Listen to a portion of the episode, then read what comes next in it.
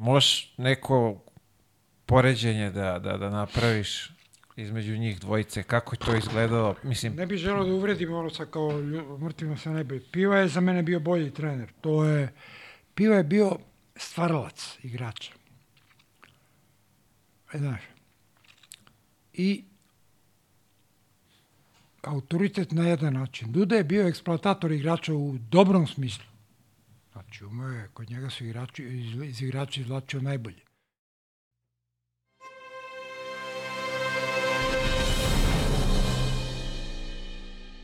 Pozdrav svima i dobrodošli u još jedan Jao Mile podcast. A, pre nego što krenemo, zahvalimo se Admiral Betu, Matijašević, Vinogradima i Big kompaniji na podršci.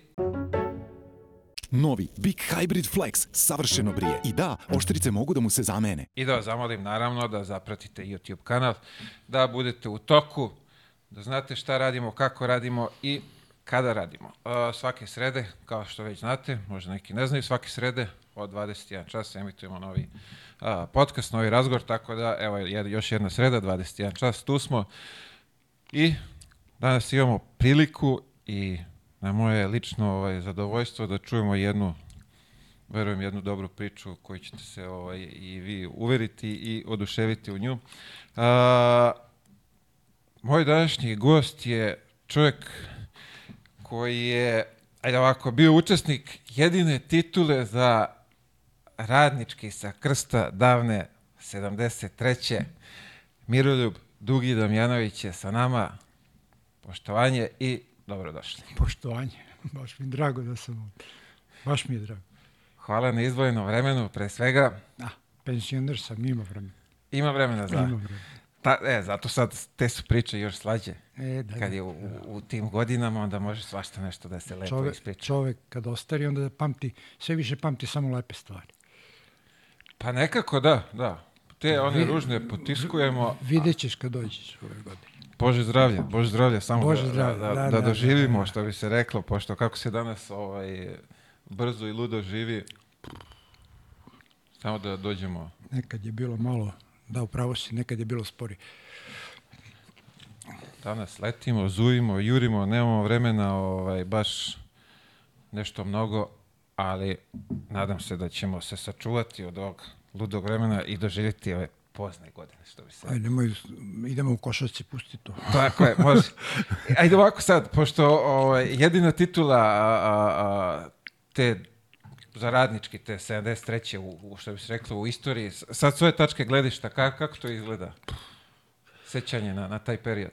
Pa ima, ima par mojih drugara, kaže, bili si jedan put prvaci, pa ceo život, svi pričaju o vama. E, to je tako bilo. Bili smo nesvakidašnji, bili smo leteći, tanki, brzi, avangarda košarkaška, to govori sa košarka, košarkaške strane, to ti razumeš. Dobro šutirali, svi šutirali, ja sam bio, da se pohvalim, bio najbolji strelac, ali sam dao po 23-4 poena prosečno sa fantastičnim prosekom i svi su morali da imaju proseke i mnogo nas je bilo do, igrača koji su davali preko 15. Tako da nisi znao koga ćeš da čuvaš. E, takav smo tim bili stvoren i tako smo i osvojili prvenstvo. I pobeđivali smo mnogo formiranije klubove, jače, Zvezdu, Partizan, Jugoplastiku, Lokomotivu, sve. Ko je, god, Olimpiju. ko je god došao na crtu, E, da, te godine su se nas se baš bojali. I onda su pokušavali da nas, da nas, znaš ono, da nas posmatraju, pa da, da vide šta igramo. Kad kaže naš trener, pa ja ne mogu da vidim šta igraju, a vi ćete da vidite. u, to, u, u tom periodu, danas se to zove scouting, ne znam E, kako je izgledalo scout. u, u, u tih Ma godina, kako? kako to je uopšte, da li je bilo nešto da O, se... od pripremi? usta do usta kafanske priče, ma uopšte nije, nije bilo. To neki put nešto te trener nauči, ne znam odakle on vidi. Uopšte ne znam kako su treneri postajali treneri u to vreme. Nisi imao komunikacije, nisi imao ništa. Samo mi, mi smo, zahvaljujući trenerima, se digli kao košarkaška nacija.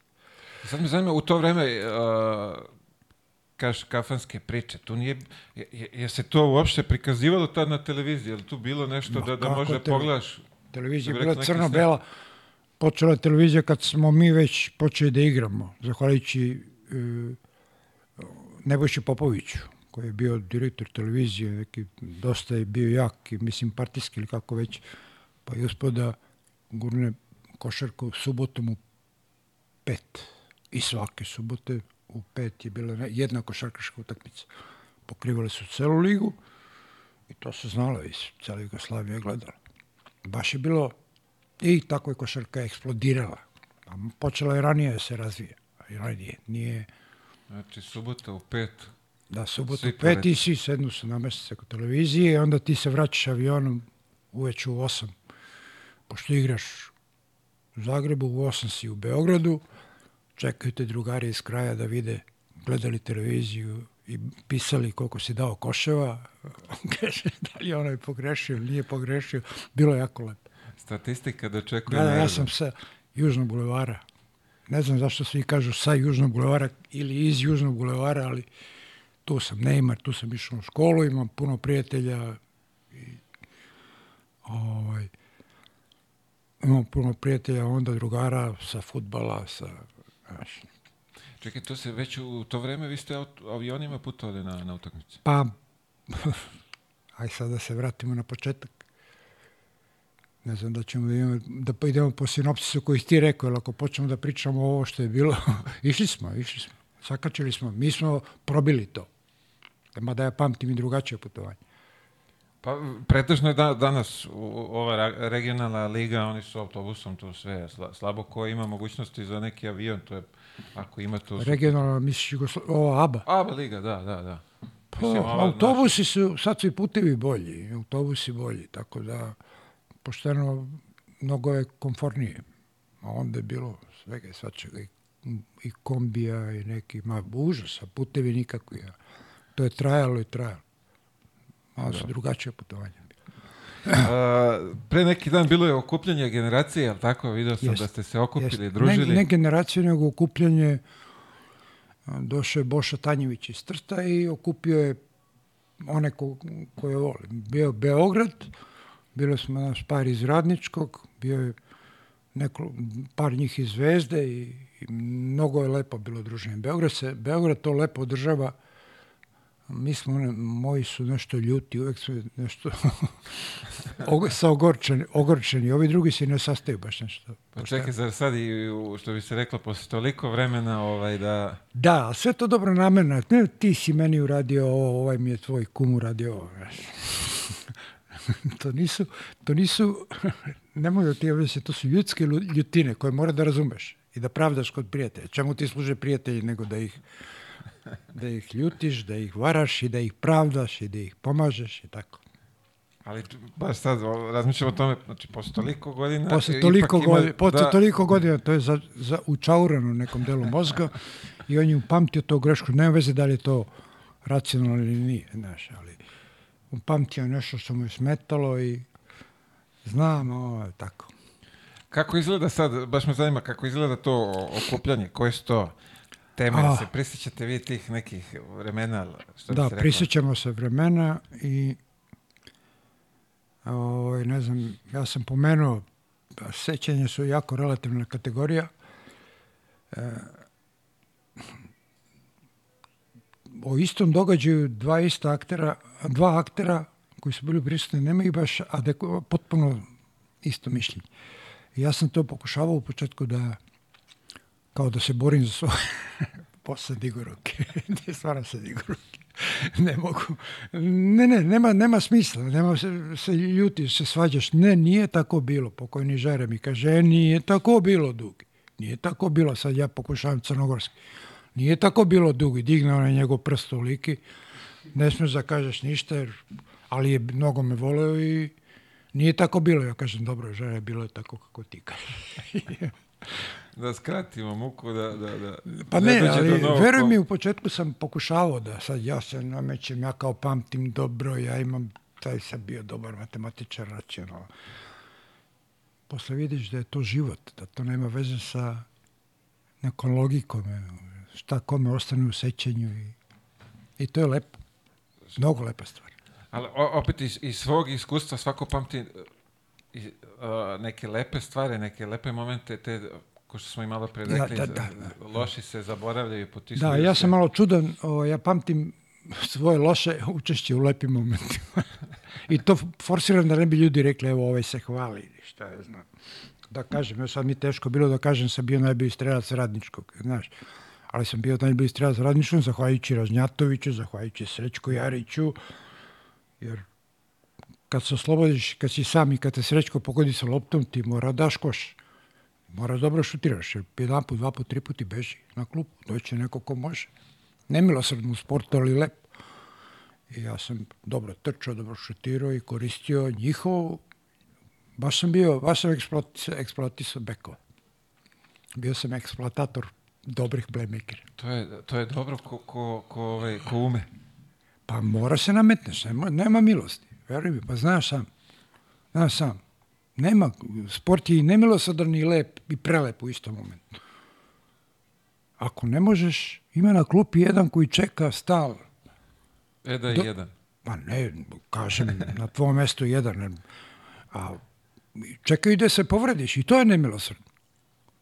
Da bi pokazali da znaju. Ja znam, ja počnem loše, piva digne jednog pokojnog Mileta Đorđevića koji je bio jak, lep, ko slika, dobar krilni igrač. I on počne se zagreva. Ja ga vidim sad iz terena i vidim da se zagreva i znam da sam ja u pitanju. I onda borba između ljutine i koncentracije. Koncentriši se i zapnem. E, znaš. I često puta sam, kad me ne ide, koristio treninge kao fizičko, kao sprinterske treninge. Znači, trčao sam kolu napred, nazad, napred, nazad. Da bar steknem tu snagu, kad me ne ide šut ili tako nešto. Aj. Da može da se trči. Da možda, da ne, da, da mi to postane uđe u naviku, navika, da ne razmišljaš o tome, da znači razmišljaš o suštini, o, o kraju, o završetku nečega što bi bilo eksponencijalno, završetku akcije, o, razumeš? A, za košarku se, bar u- tu sad a, vašu generaciju, ka, kad ste kretali sve to, važno da su košarkaši onako edukativni, edukovani, pametni, e, ono, momci sa, sa fakultetima dobrim. Sad me zanima, kaže da si morao se skoncentrišeš da razmišljaš o, ovaj, o, o akcijama, kako će se završiti. Ka, kako je stvarno izgledalo u, u to vreme? Pošto danas uh, većina ovih profesionalnih sportista ovaj, školu onako guraju Da. po strani. E, malo pre sam pričao s Vlada, Vlad, da. E, malo pre sam pričao sa Vladom, sam sedeo tamo i rekao sam, košarka je sport koji prvo traži pametne, e, brzo misleće ljude, pametne razvija njihov mozak, ne u, u nekom smislu da sad praviš doktor nauka u, neko, u nekoj tamo kolotečeni onek, nego jednostavno taj način razmišljanja, nametanja, traži pametni ljude. Tu ne kažem da to nije u drugim sportovima, ovaj, ali ja znam za košarku i o tome mogu da pričam. I to je moje mišljenje, možda neko kaže nisam u pravu. Znači, ako ne, ako ne dođu školovani i obrazovani, košarka i napravi pametno. Veruj mi. Način igre nekad je bio takav, prvo nije bilo toliko izmena, drugo morao se prilagodiš jačim od sebe, ne znaš kakvi su, nema skautinga, nema, moraš da vidiš u prvi pet minuta šta igraju.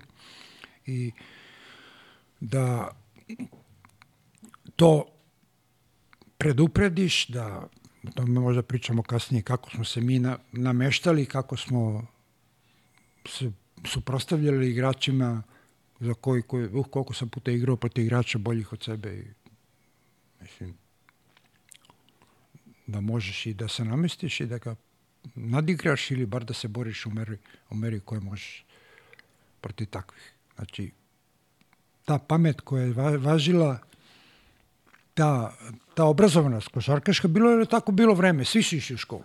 Znači, nije bilo privatnih škola, privatnih srednjih škola, privatnih, svi su išli u školu. Meni su otac i majka profesori. I ja sam po defaultu morao da budem dobar đak. I drugo, bio sam, i to sam rekao vladi, kao klinac, tanak, visok, ne kao ti, ali sam bio mnogo visok. Za svoju okolinu i svoje vreme bio sam visok koliko ti danas.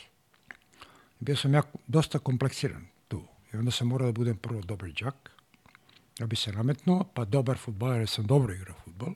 čak sam i zakačio neke klubove. Ovako visok, dobro sam Sa proturao. tom visinom. Da, da, da, proturao sam dobro kroz zongi dobro sam trčao i dribao, fenomenalno. I poslije vam ispričati kako sam u Zagrebu igrao šercom za trešinku. Ovaj, I morao sam da budem dobar. Čega god sam se uhvatio dok me nije taj ti mali kompleksi prošli 20 pa shvatio da vredim. To je da pričaš devojčici, pa ste lud, crveno ovako u listu, to je. To je takvo vreme. A škola mora da se poštuje. I uvek su bili školovani, to je važi za vaterpoliste, to važi za rukometaše, to... I to nije bilo foliranje školovanja. Nisi baš bio na fakultetu, mene na građanskom fakultetu nisu baš gledali dobro, sam košarkaš. Matematiku sam bio briljantan sve, ali sam polagao pet puta kod Stipanića. Čekaj, razlog za- zašto kao sportista, pa kao... Zašto ti ne igraš, ne učiš matematiku kao što igraš košarku? A, ja. I ja sad znam da sam...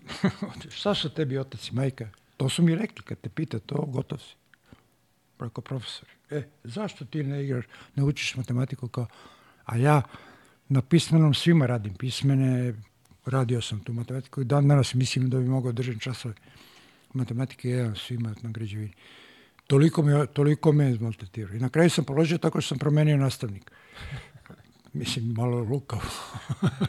to, to sam naučio ovaj, u košarci. To je to, sporte... Ali to je trajalo, ovaj- pa ti ne možeš da shvatiš. Ja prvi na, na listi na pismenom, još sam uradio trojici fantastičnih inženjera iza mene su, neću pominjem imena, nije fair.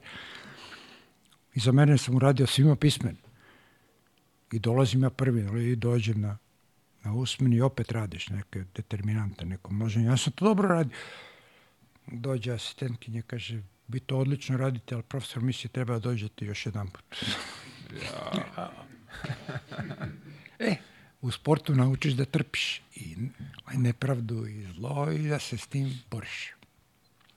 A puno je bilo školovanih, danas više nema vremena. Ja mislim, ne bi želeo da bio, bilo, bilo je trenera, izaberi školu. Meni, ja sam jedan put propustio uh, univerzijadu.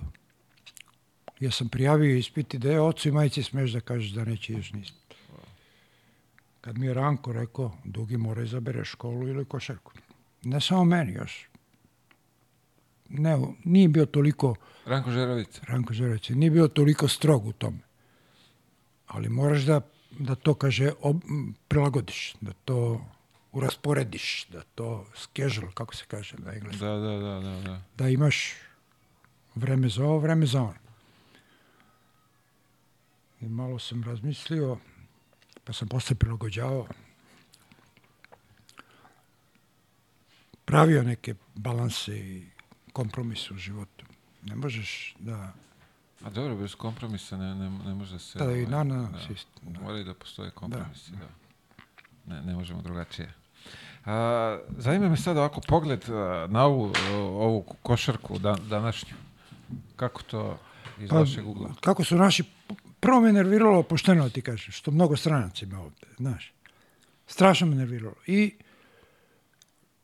mene imponuje ono što rekao, mislim, Teodosić, ako stranci dođu za reprezentaciju da igraju, on neće da igra. Što mene, mene zamisli sad onog crnca igra za Makedoniju, igra za Crnu Goru, igra za Hrvatsku, a ovde su, ovde su fenomenalni košakaši stvarani. I ovaj, to mi je smetalo iz nekog mog sebičnog razloga. Nas je malo i onda pravimo dobre košakaše, fenomenalne trenere. I sad kad na nacionalnom nivou se bori sa tim, ovaj, znaš, Amerika ima više košakaša nego mi stanovnika, to isto i, i, ali su počeli da uvoze i Mileta Ilića i, znaš, i onda, ovaj, onda sam shvatio da je to život i ti ljudi što dolaze ovde da igraju, oni imaju neku majku, oca, braću, znaš. I ja sam išao da igram kao profesionalac negde. I u, profesionalac na nivou, mislim, u obliku i nivou i prirodi koja vam je bilo za to vreme.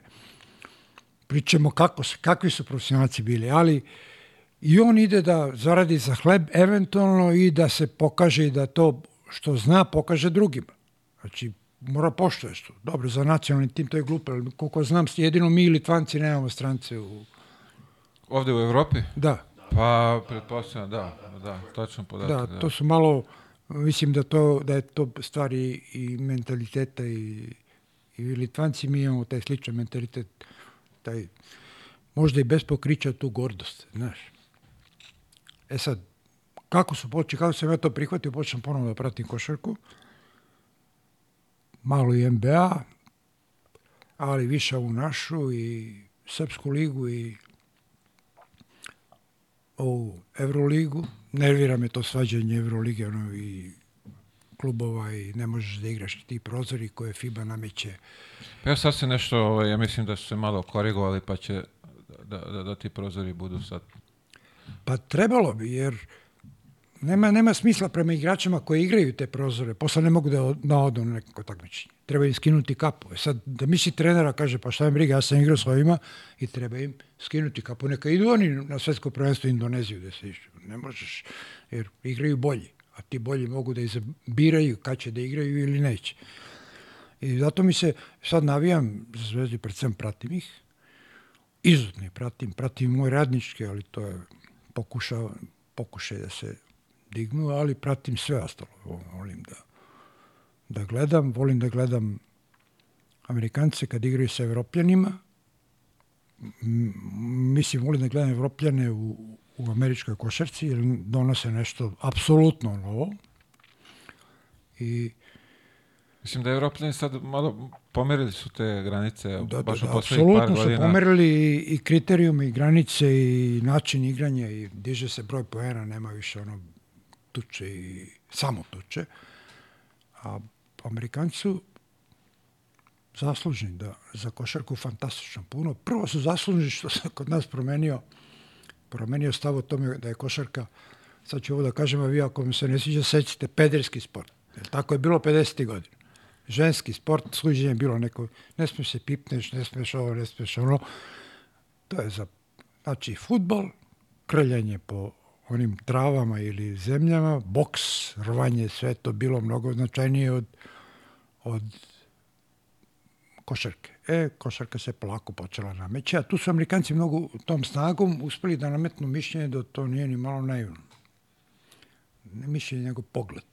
Pošto spominjao si sad uh, Amerika, promena uh, Evropljani u Americi, zanima me uh, tvoje mišljenje o ovom što rade Jokić i Dončić poslednjih godina. Pa, oni su iskombinirali taj američki pristup i našu pamet, da ne, da ne vređam Amerikanci. Stravično su pametni, košarkaši pametni, bezobrazni maksimalno, a talenat do neba. Znači, gledaš, Dončića, neko je za njega rekao da je najbrži i spori igrač na svetu. Onako visok, jak, ruka ko pamuk, onako jakom ruka, neverovatno da može so, da puca iz, iz Evropa, on nije morao pređe okean.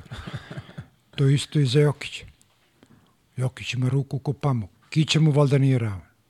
Da šutira sa, sa metar, sa pola metra šutira čisto, to ja, ne, mislim, čak mi koji smo dobro šutirali imali meke ruke, nije, nije neshvatljivo mi. Tako da, ovaj, a on je njegov prvi korak malo duži, pa drugi spor, pa stane oko, samo što ne stane da stoji, da bi sudija svirao korake, onda oni popadaju oko njega. Stravično su napredili košarku u, u nastojanju da postignu rezultat. Još Ćokić sa dodavanjima, Dončića manje gledam, jer ali on je potekao odavde, znaš. Pa Potekao dobro, sa- na, sa ovih prostora, da, ko- koreni su odavde, tako da, da. je to sve... I čujem da mu otac bio, igrao po Vojvodini nešto, bio dobar Je, košarkaš. bio je, uh, ja sam njega uhvatio, mislim čak da je za, za slogu igrao. Jeste u Kraljevu. Da, mislim da sam i igrao čak protiv uh, Saša. Oni su sa Kosova, koliko znam. A, tako nešto, da. Da. Tako nešto. Ali vuče korene odavde, ima tu nečega, sada budemo malo bez pokrića, ima tu nečega u borbi za opstanak, znaš. Da se nametneš boljima. i To je, to mora, možda i kod Litvanaca ima. To ima kod Argentinaca. Znaš, to ti je Đoković. A to, uh, Puta hiljadu. Bar kako ja to gledam, uh, ti kad si gladan i žedan, ti se boriš, kidaš. Da, ne dođeš. predaješ se, ne Tako predaješ. je, da. Ovdje si padao 200 puta pa se dižeš. Što kaže, ko reče, ono, Beograd je bombardovan 50 puta, 48. I opet nekako se digne. Vadi se, kukaš, moliš, i grebeš, grizeš da... Nema odustajanja, nema Ne, predaje. ne, ne, nema, nema. Predaja nije opcija. Predaja, možda lukavost neka, ali u principu predaja nije. A, stanje na, u, u ovoj našoj košarci ovde. Spomenu sad da gledaš, pratiš i na našu ligu, Partizan, Zvezdu. Ma, ma, Partizan Zvezda nije naša liga, ali... Dobro, bilo bi- da, ali Znaš šta, generalno. ako nastavi se ABA liga ovako da se igra, bit će jedno devet iz Srbije, onda će to biti naša liga. Pa jeste, vidiš, sad ih ima pet, šest, koliko ih ima. Pet, stalno, da. Pet. Ali, nažalost, li- limitirano je na pet. E, to, to je, to je, Iako su... tehnički, to je tehnički detalj da bi ostali imali nekog, nekog motiva da igraju, ali trebalo bi prvu i drugu ABA ligu da bi, da bi, da bi se igralo na ovim prostorima da se postižu dobi kvaliteti. Sad, ova, ona država koju, sam, koju ja pamtim i koja je bila imala 20 i nešto miliona stanovnika, fantastičan izbor igrača, visoke, male, bezobrazne, što reče jedan u Hrvatskoj, ako hoćete budete prvaci, dovedete playmakera iz Srbije i trenera iz Čačka, ili obratno. E, pa to vam je tako. Sad. A ako hoćeš da imaš centra, idi u Hercegovinu, znaš, i naći ćeš nekog negde. Nađeš nekog visokog pa Da. oblikuj. Pa, pa tako. Mislim, to je... um, da, još nešto. Ovo kad smo, pit, prethodno pitanje, družili smo se. Dužan sam da kažem da, znaš, krunimo se, godine su. Bolesni su ljudi, ali nevjerojatno kako dolaze bolesni tamo na, ta druženja. Znaš, pola su doktori, a pola su ovi koji oni leče. I ja imam dva druženja, ćemo sutra u 12, baš to, polovina su doktori vrhunski, isto su bili košakaši, učenici moje majke, na primjer. Tu se čubure negdje. I ostalo su druga polovina su isto košakaši koji se leče kod svojih prijatelja. to vam je tako. Tako je bilo i pre neko već. Vidiš bolestan ovaj, bolestan ovaj. A kad sednemo, to izbija neka energija i zaboraviš. Praja je fantastičan. Uh, kako se bori sa svojom nešto ga... Ali u principu došli smo i sedeli i uživali. Samo upijaš. I, i paziš da to što se sećaš da ne uvrediš nekog. Znaš, mnogo, mnogo se voli po među. Da, da, divno. Divno. A, s- spominje si sad a, veliku državu, veliki broj stanovnika. Mi smo sad spali na, na, na na šest miliona koliko nas ovdje Lažemo ima. da Nešto, nas ima sedam. Dobro, nešto malo, da, tu. pobegli smo napolje. Tako je, da, ra- ra- razbežali smo se po svetu. Ali opet, evo sad i ovo leto veliki uspeh kad se gleda s obzirom koliko smo mala populacija. svetsko prvenstvo. Da.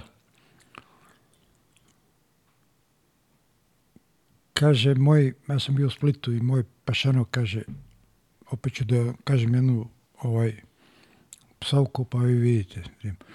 Kaže, oni vaši kurci mora da, da pobeđuju kad ovi naši ne objavljuju ništa. Mene je fasciniralo to. Ja sam gledao dobar ambijent, dobar trener, puno igrača nam je falilo. Ovi se prilagodili. Igrali su fenomenalno i čini mi se da smo, da sad nešto kažemo, ako ra- realno, ova nemačka ekipa je bolja od nas. I, I po mestima, i po organizaciji, i po svemu. I od deset utakmica mi bi njih dobijali, dobili jednu, eventualno dve, da se igra onako stalno. To je moje mišljenje, to ne znači, ali smo ih imali u finalu. Samo da nisu, trebalo neko drugi da pri kraju, jer su oni na kraju, i oni su uplašili uspeha i igrao, igrao je samo onaj crnac mali. Pustili njega i samo je on igrao. Naši nisu, nisu obratili pažnju kao više su, ali i malo su završavali prebrzo neke stvari. Mislim da smo mogli na kvarnu da ih dobijemo. Što ne bi valjalo jer postavljamo sebi standarde mnogo visoki i ovo je već postavljeno stravično. Pa dobro, ali mi uvijek pucamo na, na, na prvo mesto, na Da, da, zlato. da, pa, tako znaš da, kako, drugo mesto se osvaja porazom i to ne valja. Volimo da budemo prvi, volimo da pobeđujemo i što rekao, ko je to rekao? Jokić. Srbi ne vole košarku, ali samo vole pobede. Da, da, da. Zanimljivo da je njegova izjava. Čak i, i Kari Pešić kad je bio ovde, da je ovaj, kako je on to rekao, mi volimo da se puvamo. A da, da, da. da. Da se Uh. puvamo, da, da smo mi... Volimo, što strašno volimo da nas uda- ljudi udaraju po ramenima. Znaš kako, sve ti je oprošteno, samo ti mene voliš i ti mor... Ne viđem, takav smo narod. A dobro, da, to je ovaj, sve tako lepo i slatko ovde kod nas. Pa sad nije baš sve, ali je... Ja drugo, drugo nemam. E, ovako, imamo kod mene ovde rubriku jednu kad se vraćamo u detinjstvo. Još nešto. Može. Da kažem, izvini, molim te što prekidam i... Taman posla. Pa na ono pitanje smo govorili, raširili smo se, ja imam neke digresije kad pričam. Pa. Zvezda i Partizan su odlično komponovani tim, timovi. Dobri su treneri. Odnos sa... Za, za mikrofon. Da. A, dobri su treneri. Ovaj, pouku su kako ko, kako ko radi od njih, ali mm, prvu utakmicu je Partizan izgubio.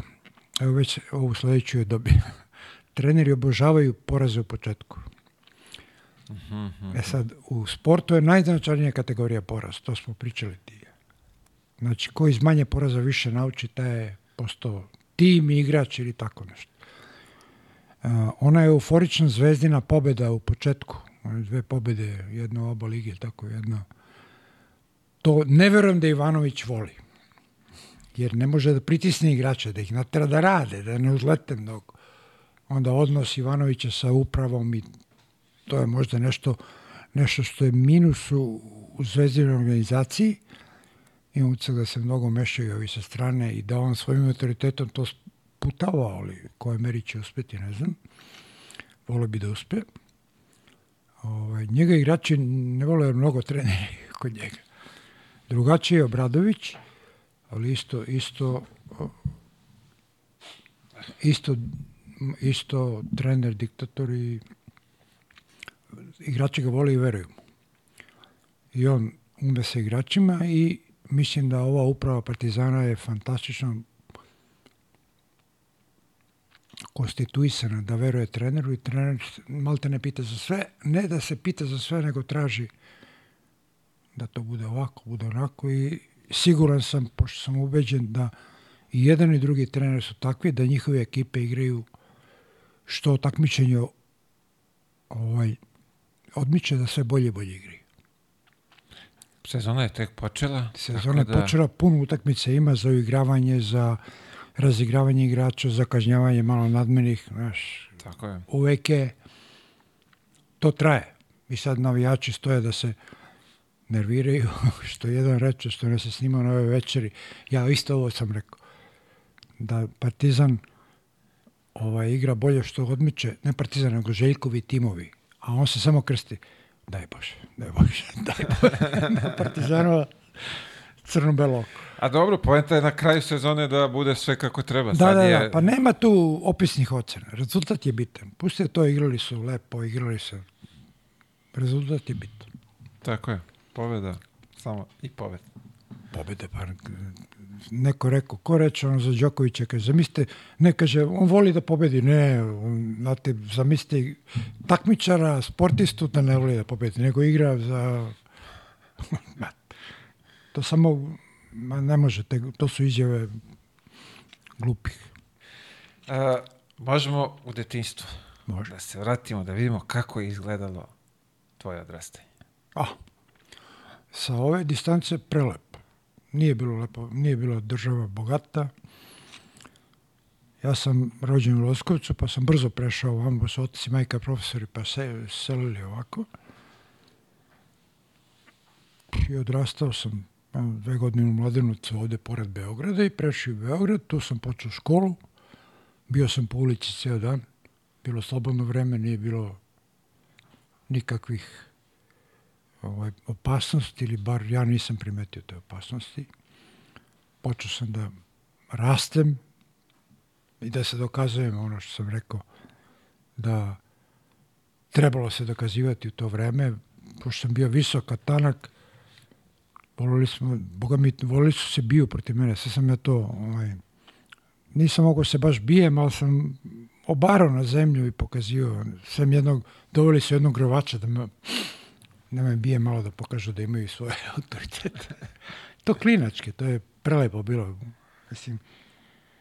I onda je ovaj, škola išla uporede sa puno vremena, pošto mi škola išla doba puno vremena, sam imao vremena za neke sporedne aktivnosti i kako, su, kako je bilo Poljančiće pored nas, ja sam igrao futbol. I ovaj, igrao sam sve bolje i bolje i čak sam zakačio sam, ne znam, Partizan, malo i Voždovac. Onda sam dobro igrao futbol, tamo su bili u Voždovcu igrači, svi otišli u Zvezdu, ja sam prekinuo otišao da igram košarku, a jedino su Golca nisu teli, Zvezda nije tela Golca, Ivana Golca, mog drugara, vršnjak, jer kao nije dobar. I od svih njih najbolju karijeru napravio Ivan Golac. Mislite te skaute i procene. Ali mnogi se tako ovaj, ogreše u tim rano, ra, ne, ranom, baš ranom toliko, da se, periodu. baš toliko da se ogreše, to nije normalno. A dobro, možda i njemu proradio neki ino da Ne, dokaže ne, ne, da... bio on dobar, nego ne znam zašto. Uglavnom, ja sam negdje u 13-14. godini kazali mi da ima radnički negdje gore na krstu, blizu Nemara. Gimnazija, s obzirom da sam stanovao blizu neka dva solitera, jedan je bio Udbin, drugi je bio si, kako se zove on kontrabašni dva solitera, nije bitno, to je nekad bilo tako, Ozna, Udba je već. I imam drugare, ovaj, svi ratni, sve ratni kadrovi, mislim na drugi svjetski rat, naravno na Slovačku boru. I drugari svi u četvrtu gimnaziju. Tu sam se prvi put suprostavio ocu i majici. Oni su odredili da ja idem u 14. Pošto tamo poznavali i prijatelje imali. Ja rekao, ja idem u četvrtu. Normalno četvrta je malo, malo kriterijum bio bolje, tamo sam bio bok kao i đak i mogu sam da radim što hoću i da izlazim i putujem. Kako sam postajao igračić, pa prvo sam pokazao da je znam da igram košarku negde, pa postao igračić, pa igrač, pa možda igračina ili već. Poštovali su me i puštali i ovaj, tako sam napredao. A sad, Zanimljivo sad da ti, kaš, igrao si futbol i posle, to- tokom košarkaške karijere, ako sam razumeo. Jesam. Ali samo taj moment kad prelaziš na košarku, kako se to Ma desilo? ne, bio je jedan trening Partizanom, ne, ne, utakmica, jedna utakmica na Obilićevom, na zaleđenoj crnoj šljaci, kad sam pao, i to me saplavio jedan drugar koji stanuje ispod mene, ovaj, isto profesorki đak. Bio jako brzo, bio bek i ja ga obiđem, međutim on strašno brzo kad se namesti onako, i ja mu pobegnem po toj šljavi, me saplete, ja padnem na kolene, ništa, nije me bolilo. On se izvini, dođem u slučionicu, ona topla slučionica kad je linula krv. O, I toga se sećam kao klinac, ne, 12-13 godina. Isto ta crna šjaka na partizanu, hladno, blato. I sad kad dođeš u košarka škola, posle 60. godine, kad, smo, kad je bilo evropsko prvenstvo u Beogradu, 61. A, 61. Malo koševa je bilo tu, je, znaš. Počelo da se stavljaju koševi u salu, toplo, malo, dobro je, uličeno je taj pederski sport, kao što sam rekao, znaš. I onda je počeo košarka se razvija. I znam da smo počeli da organizujemo neke igranje, turnire, neke u kraju, nije bilo koševa kao danas, nešto vreme, ovaj, nije bilo koševa kao danas, znam da ukradeš koš, mi ukrademo koš iz a, Deli Ra- Radiva, tamo ima neka škola, neki dom, mi košta i mi, mi ga ukrademo i sad oni znaju. Mislim, odmah se zna koji je u kroju ili mali kraj. Još oni sakriju koš kod mene u podrumu. I ovi dođu kod mene i kaže, kod tebe u podrumu koš je, rekao, nije, ajde vidite.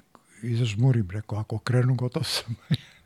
Međutim, normalno nama ukrade neko koš, vrate ga nazad. Ja. Tako, tako se igralo. Nije bilo. Sad ima koševa koliko hoćeš, a koliko vidim nema dece baš. Evo, prazno. Da. I onda sam, u kratkim crtama kažem, onda sam počeo da igram tu košarku. Zakačio malo košarku kao igrač u osnovnoj školi. Mislim, ono, i posle kroz gimnaziju sve više i više. I onda su Znaš, malo te tapšu, malo te prate, malo igraš za gimnaziju, moraš da igraš jer od tebe to očekuju. Sećam se, već sam počeo da igram za prvi tim i, i bila na televiziji utakmica i ja sam odigrao dobro kao klinac. Baš sam dobro odigrao. Borio sam. Ovi stariji koji su igrali nisu baš davali lopta, ali nekako se uvek namestilo sam ta, tu utakmicu dao dosta pojena. I ja dolazim ujutro vozom i otvaram vrata, vrata otključena. Znam da moj otac ne voli da otključ, drži vrata otključena, to nije normalno. Njemu su nekad u Leskovcu nešto ukrali i bolestan je od... Ja ulazim, vidim topla kuhinja. Otvaram vrata, a moj ovaj profesor fizičkog, Draža Milosavljević. Zdravo dugi, evo mene, spremio sam ti kajgenu. Ja gledam, otkud vi profesor? Idemo da igramo utakmicu 10 u difu. I ja rekao, pa šta ću, moram. I on ima neki NSU princ i on meni je spremio doručak od mene kući. On je zvonio na vrata, moja majka bila osetljiva na to kad kaže koleginice. A šta ste vi, kaže, ja sam profesor vašem sinu. A, dobro, izvolite, uđite i otišao spava dalje. To je tako vreme bilo. Wow. I, I ja odem da igram, za, igram na difu protiv ne znam koja škola, igrao Simić iz Partizana, igrao Babić iz Partizana.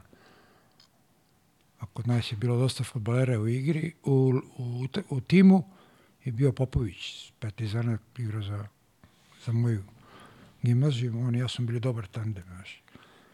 Dobro, samo iz mojih leđa bio ko gibon, ako samo skoči udara banane, a ja puštam da uđe u sredinu. I tako je to moralo da bude. Onda sam bio privilegovan u školi, nije me niko, znam da direktorka sad čeka tamo iz WC ko puši, ja nisam pušio, ja sam udara šamare. Mene propusti, pa onda opet. Pa onda ko se klizan iz gelender, isto tako. Udara šamare, ja se kliznem, ona samo me propusti. Znači, imao sam neki, imao sam neki status koji je bio i plus dobar džak i tako. E, to je tako potrelo. I 18 godina prelazim u prvi, 17 godina prelazim u prvi tim, upisujem fakultet. I ja nisam nikad igrao napolju ligu, ja sam odmah zakačio sajam. Počeo se igra zimi. I znam da sam prvu utakmicu za prvi tim igrao u Zreninu protiv borca iz Čačka. Bilo je minus hiljadu. Wow. Ja sam obukao sve na sebi i normalno ulaziš pri kraju. Ako treba. I jedva Radmilo igra, kad se zagreje, Radmilo Mišević igrao, ubio nas. Na kraju uđem ja i Piva je napravio ovaj, tad je napravio odluku, bio neki Mita Jočić, odličan igrač. Ja sam od njega dosta naučio, znaš. Dva metra imao je ruku, fantastično igrao je za juniorsku reprezentaciju, pravili su mu blokove kod Ranka. Ćosa mu je pravio blokove da šutira. Koliko je bio dobar šuter. Ali je umeo da kaže, ne mogu. Mrzalo ga Kruševljanin. Mi smo ga zvali Čarapan. I ne mogu. Pivo izluđivo s tim ne mogu. I sto puta na treningu ne mogu, ne mogu, ali sad ne može mito, uđe dugi, ne može mito, uđe dugi. I dugi na kraju ne izlazi. I tu je mita, tu je piva rekao, ajde dugi. A oni svi igrači stariji, šta neće mita? Ne, ajde dugi. I znao sam da će da me jure. Da fali, u to vreme je bilo pravilo zadnji pet minuta svaki faul se, nema namernih faulova, faulova, a svaki, svaki faul se šutira dva penala. Kaže piva, sklanji se. I ja počnem da bežim. Dobro sam ja trčao, sve to lepo. Ali tamo te tri igrača jure. Ja iza tribina, iza koša, iza... Oni ne mogu da me uvate. Na kraju me uvati ja moj stari drug, Đukić. Uvati me za vrat, ovako, vidi. Dva penala, ruke, kamen. Ja stavim loptu ovde ko O'Brien kuglu, nekad ima neki O'Brien stil. I šutnem prvu i ona uđe. Ja počnem se radujem, kaže Čermak, nemoj se raduješ. Ja drugu šutnem, ona se odbije na out liniju, to tako bilo. Mislim, tako sam šutirao. I dobijem 5000 premiju. to je bilo za 5000 je bilo za šangajke. Da kupim da igram u šangajkama. To su bile patike kojima smo igrali. Šangajke, popularno. Da. I tako počne počne prva liga. I sad tu imaš izlaziš, ne igraš, ne igraš. Jedan put sam se povredio, ovaj, noga bila plava i nisam trenirao par dana. Dolazi jedan momak, jedan moj prijatelj Stevanović, koji je bio na granici prvog dolu tima, rekao mi piva da mi daješ dres. Ja počnem plačem, dam mu dres i kažem Damjanoviću, sad igraš bez noge. e, Nema propuštanja. tako je bilo, verujem. Tako Wow. je bilo. Da, da, pa, ali A sutra dan je igrali, naši izgubili protiv Zvezde u subotu na sajmu i tad je bio onaj sportski pregled su, ponedeljkom u 7 i 10 na televiziji pakuju filmove, ovi stariji s toga seći ti se rećeš, crno-belo i ti svi čekaju sportski pregled pred dnevnika u ponedeljkom. I kaže, radnički izgubio zvezde, falio mu i juniorski repetivo Zamjanović. Ja, meni temperatura skočila na 40. to, pa ne, Pomenuli- čuli, a fazon tu je, u dnevniku. ne samo to, nego što su svi čuli u kraju. Svi čuli u kraju. Pa kad sam ušao prvi put u juniorsku reprezentaciju, idemo u Minsk i čitaju oni sastav reprezentacije. Ja sam znao da sam u reprezentaciji, ali ne znaju svi. I poslednji Damjanović Miroljub iz Radničkog. Jo, ceo Mladenovac, ja bio kod dede babe. Ceo Mladenovac je čuo, to imaš Beograd 1, svi slušaju to. I ceo Mladenovac je čuo, komšija Mija, jedan vozač, je, to su bili, oni kažu za sebe su cigani, to kao ne valja. Da budem politički korektan, Romi, moji prijatelji, odrasao sam kod njih u kući, oni kod mene. Ovaj, jedan je bio moj vršnjak, drugi stariji. I Mija, kako reče to, eto ga Mija, na, je li kaže, Omangin. Ne, ne, reče, Amrdne ja vidim. On i ja smo pričali o nekom, nekoj predstavi Filip na konju, znaš. Čuvena predstava, što je zabranjeno. I to je jedna mala digresija, to moram da vam ispričam. I on kaže, je li ti mali Amrdne ja vidim? Za reprezentaciju? Pa rekao a moj čalo ništa. on kaže, Rade, da tebe si ponosan na, na svog sina. Pa kažem, koliko trenira, dobar je, samo da uči školu. A tamo negde krajem 50-ih. a, Meni otac, koji je bio jako, jako fin čovjek, znaš, i, i skroman, a veliki autoritet, i strog kao profesor i kao inspektor prosvetu stravičan. Bojali ga se. Kaže, sine, ne postoje samo Zvezda i Partizan. Postoji neki velež, ne znam da ga iskupa, postoji Hajduk i postoji neki radnički iz Beograda koji ima strašan tim, tad sam prvi put čuo za radnički. Pobedi prvi deset umica, onda prodaje bodove. Ja gledam, ja imam, ja imam sedam godina ili osam. Ne znam da sam išao u školu. A on nešto radi po kući, mi smo imali jedno lepo dvorište kuću koju danas koju je brat danas, nigde nije bilo niko okolo Mina kuća, neki paviljoni i ta naša kuća je druž, družimo se sad, dolaze tamo, idemo, krademo voće, znaš, idemo kroz neke boce, znam, igramo futbal. Ja sam dobio od ujaka futbalsku loptu i kopačke iz Nemačke. I ja sam igrao, tako sam naučio futbal. Ne morao sam da igram. Moja lopta i ja igram u kopačkama, tako sam naučio da igram futbal, verujte. Jer ako mi ne puste loptu pod ruku i kući, kući. prva kožna lopta u Mladenovcu kod mog ujaka. I kopačke. I to je bio, dolazili su iz kraja da me vide u kopačkama, znaš. Da vidi kako to izgleda. Da vide nove, da. I ovaj, tad sam prvi put čuo za ime radnički, kao što rekao. I stvarno je radnički, posle sam se malo bio strašan tim. Stravičan tim, od Vidinića pa nadalje, Petaković i. Fenomenalno. Sećam se neko finala Kupa Jugoslavije, 3-0 za radnički u polovremenu, protiv Partizana. I onda čudne neke stvari u slučajnici za to vreme, neki generali, da li su bili pištolji ili ne, tek 5-3 za Partizan na kraju. To. Još onomac E, onda to... sam čuo za radnički prvi put i onda sam počeo da shvatam da radnički je bogat, bogato društvo i bogat klub, ali ne daju mu da se razvije, mali. Ali sam nekako, nekako klinački, pošto volim tu da ispravljam neke nepravde, bilo mi je ovaj, milo da do, zaglavim u radničkom, da dođem u radnički. Je možda uporediš, mislim, da nam dočevaš malo te treninge u, u prvoj ekipi tad kad, kad ti ulaziš, kako Au. to izgledalo? Ne, trening je bio dobar, ali ne smeš šutiraš, mora da pratiš. Ne, stari igrači, pivino godište. I sa piva nema puno autoriteta, autoriteta kod njih. On je mene odmah a, se vratio malo nazad. A, kako smo učili košarku. Ja sam morao da učim skok šut tako što mi išao sam u trening da gledam Siju Nikolića koji je imao školski skok šut, neverovatno ovako. I posle čujem i od mog prijatelja pokojnog Damira Šoma da su i njemu govorili da gleda Siju Nikolić i Ivu Daneva. To su školski skok šutevi, tebe lopte. Ja nisam bio neki skakač, ali mi je lopta nosila gore i kad to uskladiš, onda je to sve lepo izgledalo. Imam, znaš, ne samo lepo, nego efikasno, jer u loptu pustiš u, u najvećoj tački i ona dobije neki luk i pljut, nam uđe. To je cilj. Ovaj, I meni je Piva pustio jedan film, ne znam kako mi je, dakle, Boston Celtic Philadelphia, neke 60. godine, Bog te pita koje godine.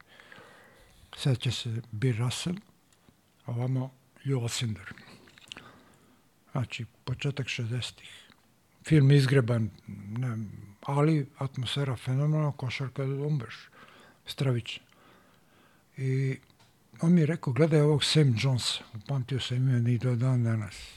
Malo niže od mene, crnac jak, brsko metak, ide po levoj strani da sam ja igrao, daju mu loptu, on izbaci noge malo ukoso, možda zamisliš kao košarkaš, izbacio iz punog sprinta malo ukoso noge, no se pokazujem ovdje, glupo je.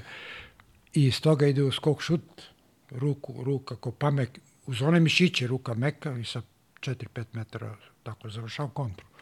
Ja sam to gledao. Posle sam vežbao taj izbacivanje nogu, veruj mi. I puno stvari sam učio od drugih.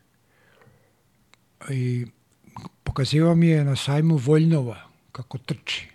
27 trči u kontru. On je u zoni igrao onog prvog, 1-2-2, on je igrao tu jedinicu. Toga je neki trener, ne znam koji je bio trener, neki ovaj, a Čačan je mali bek, igra desno od njega i to samo mu baci loptu sa 20. Tad sam prvi put vidio kucanje na, kod nas uživo. Iz kontre. I tako naučiš gledajući druge. Rolling sam naučio u 26. godini, U 26. 26. godini. U vojsci od nekog Mohorovića koji je igrao u Americi pa je znao te rolinge. Ovaj, znao sam, znao je neki e, jedan mnogo dobar dečko bio i dobar igrač, ali nekako dugačke korake imao, pa nije za košar, košar, košarci treba malo sitniji koraci, znaš.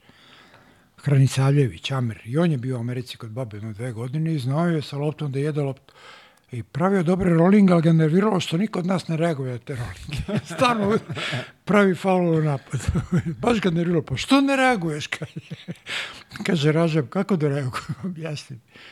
Tako sam i od njega video, pa onda sam video jednog Rusa koji je pokazivao, Arzamaškov se zvao, koji, s kojim smo trgovali sa vunom. Švrcovali smo moher, goluboj plavojnje, on je naručio 10 kila, to je koštalo, imali smo moj kum i ja para kupimo Volgu u Rusiji. A on je sa mnom na treningu jak ko zemlja. Tu bije je fenomenalno niži od vidiš, 190, bek, pa kad skoči, samo je digne ovako. Znaš kako skače, masano. On me pokazio, dođi, dođi vam, dugi. Prihodit, prihodit.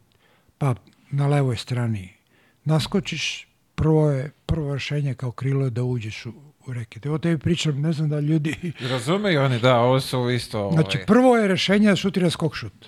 Ako je, ako je bek takav, ali to su sve odlu- odlučuju milijonitim delovima sekund. Pa drugo rešenje je da uđeš u reket ako on pođe malo levo od tebe. Pa treće rešenje, ako je pametan i ne uđe mnogo levo, kreneš levo, pa praviš rolling ovamo. Pa četvrto rešenje, napraviš riskorak pa kroz noge. To je radio Dražen fenomenalno. Sve sam ja to učio od njega i od Mohorovića taj rolling da sam bio u vojsci. I znam da sam sledeće godine kad sam igrao prvu beli igru sa Sarajevo, pokazujem Mohoroviću taj rolling, on je pao i samo je rekao, Viko, dobar si učenik. I to sam koristio kad sam bio profesionalac van zemlje i tako. Ove, to sam koristio protiv Amerikanaca, protiv tih igrača koji su bolji, bolji od mene bili pošteno, Da, ali pazi, rolling u 26. e, sve može se. Pa nemaš od koga, kako da uče? Jasno da, nego koliko je to tu, mislim sad s ove tačke gledaš da kad preš neko u 26. ovde u 22. ako ne igraš, oni te već otpišu da, Da, da, si... drugačije ovaj, vreme. Trpeli da. su te, znaš. I onda sam ja trenirao taj rolling i onda sećam se Sarajevo Kizirović, pametan centar, ako me gleda, ja napravim rolling i skok šut kad ono, ja oko svog igrača, on me sad čeka tamo. Onda sam protiv njega, sledeći put ja rolling i cimnem on ode u, u aut, e, ja sa zemlji i gledam ga ovako.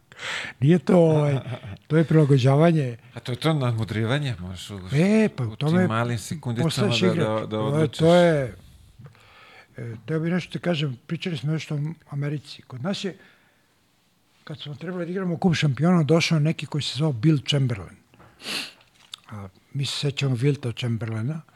Taj Bill Chamberlain, crn koji malin, dobar igrač, ima ruku, fenomen. Neko ima neku operaciju na kičmi i ne znam odakle je došao, kako je došao. Ali došao je sad kod nas na trening dolazi, ne znam koliko para tražio, znam da naš predsjednik je rekao, pa ne smijem ja, poterat ćemo na goli otok i znaš, nije smelo. To Partizan mogao da uradi, ovi drugi, Partizan ima nekog Bačford, tako rekao, stranca, da li godinu iza, tako, ali ovi nisu smeli da pla- plate tog bila i to se rasturilo. Tek on je, ali kod nas u treningu nije mogao proći. Nikad nije znao koga čuva. Stalno nas je mešao, njemu smo svi isti bili. E, znaš, onda morao gleda brojeve, a sad oni naši treneri dresovi nisu baš bili sa brojevima i nisu imali neke dresove. I, ovaj, posle vidimo, čujemo da je napravio ugovor o 600.000 dolara u NBA, to je bila ogromna para onda. E, znaš. Ali kod nas nije mogo da igra. Mislim, nis, imali smo mi kvalitet već i onda. Evo, Govorim ti o 82. trećoj godini.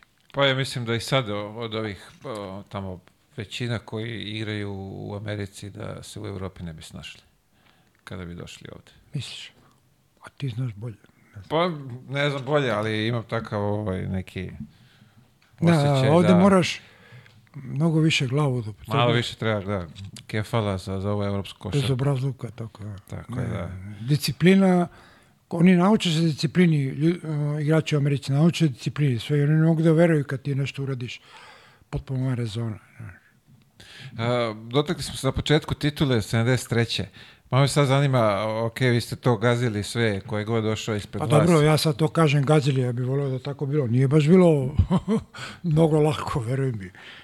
Ali smo izgubili od Beograda i onda je Piva napravio sastanak i posle toga smo napravili 12 pobjeda za redom.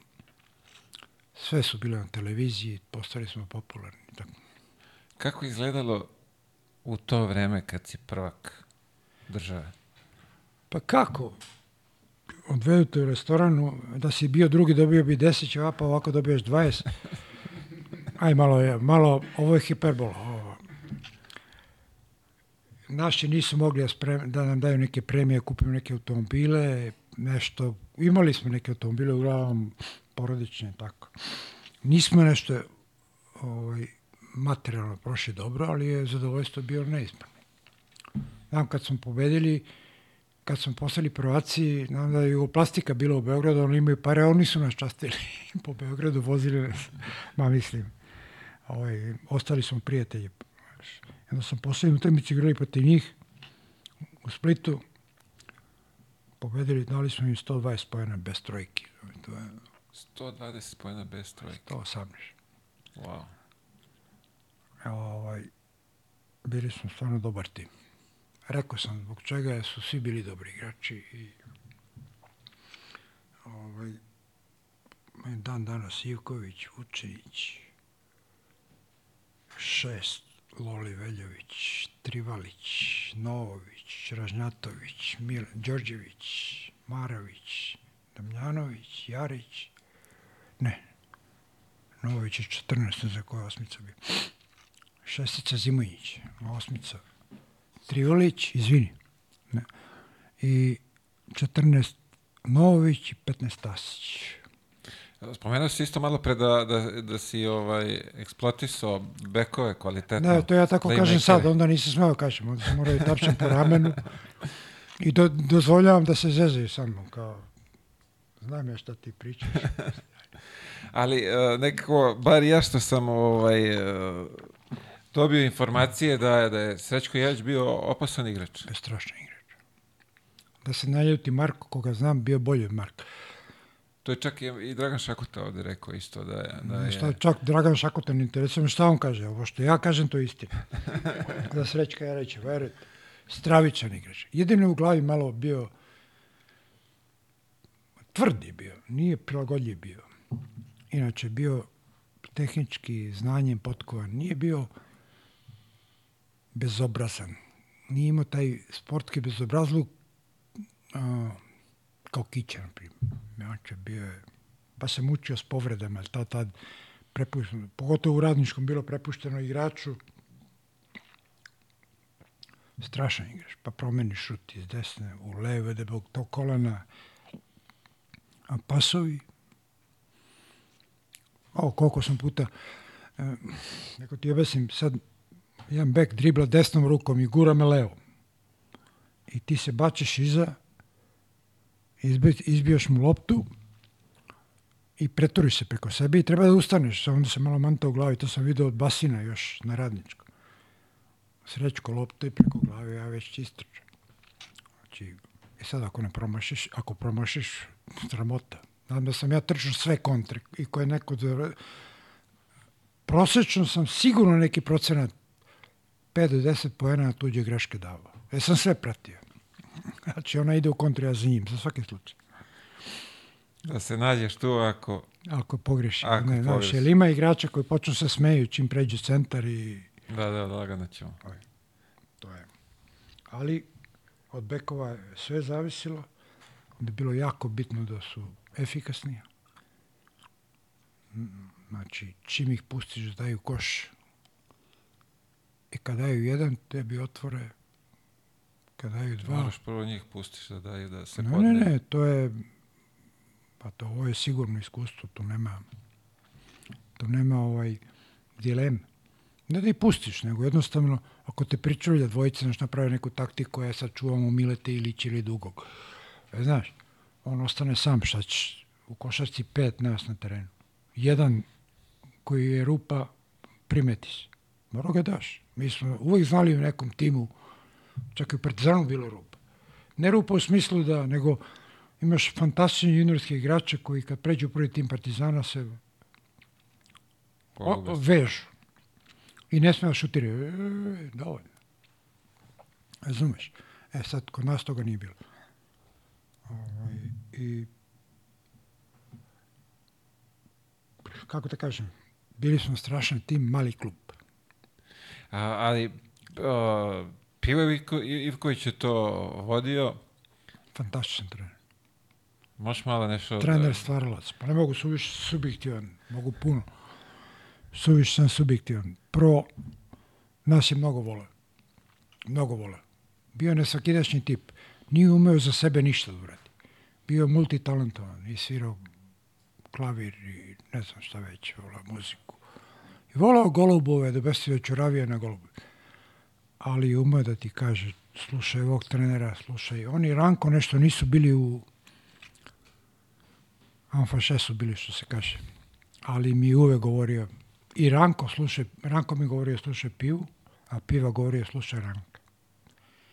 I Poštovanje je postao... međusobno poštovanje, nisi smeo da... Ja sam jedan put za jednog partizanova trenera, i sad ovo je opet digresija, igramo trening utakmicu s Partizanom, Partizan ima neke crne dresove, vunene u sred leta, grebu, nevjerojatno. A ja sam imao dres koji sam morao vežem ovde, neki broj, pošto nije, nisam imao širaka ramena, a dres je bio neki veliki.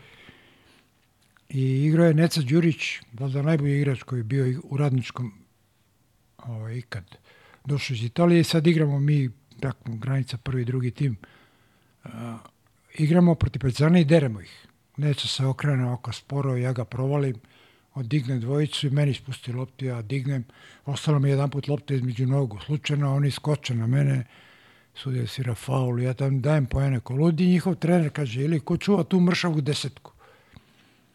I ja mangup se krsta. Dođi ti debeli da me čuvaš. To sam ja bio. Jer daš jedan koš u tim godinama, već misliš da si na mesec. Mislim, klinačke, ono, možda malo seljačke kad gledaš sa neke distance ili nekih poznijih godina. A piva, šta si rekao? Marš uz tribine 20 puta. Da skačem uz tribine, pokazuje sam povredio esnaf. Da, da, da, da.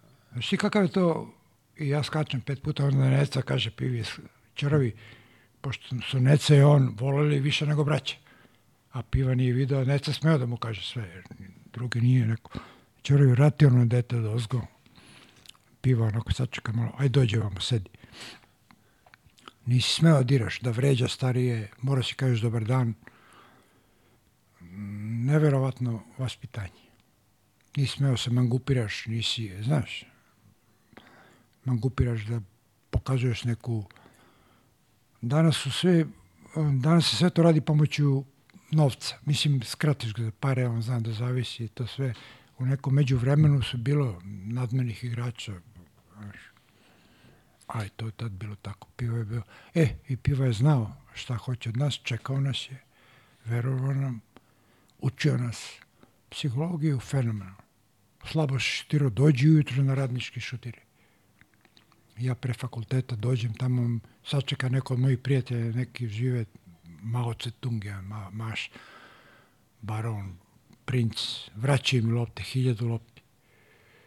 I ja sledeću nedelju igram dobro i ut- utuvim u glavu da mi je to i posle dve godine nisam mogao se oslobodim tog treninga jutarnjeg. Ja sam inače ovaj, jako sugestibilan i hipohondar. Znaš, i onda trpim od toga. To, svestan sam toga, ali baš u gimnaziji jedno ja dobijem poziv za jednu diskriminaciju, idemo u Minsk.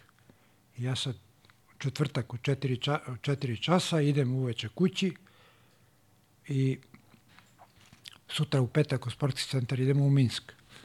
Čuveni turnir olimpijski nada, to je bio strašan juniorski turnir, možda najbolji na svetu. Nek. Ovaj, I jedan moj drug Koprivica koji je skakao s motkom, bio atletičar, bio, bio ovako dobar i i odlično govorio engleski i gledamo mi kroz prozor iz hodnika četvrte gimnazije drugare dole. Vidi, kaže, malo učenika. I ja "No, kako malo? Gledam, pa kaže, epidemija zarazne žutice. "A Kako znaš? Pa kaže, podrigujete se, hoćeš da povraćaš, podrigujete se i ne znam šta vi, ispričam je on.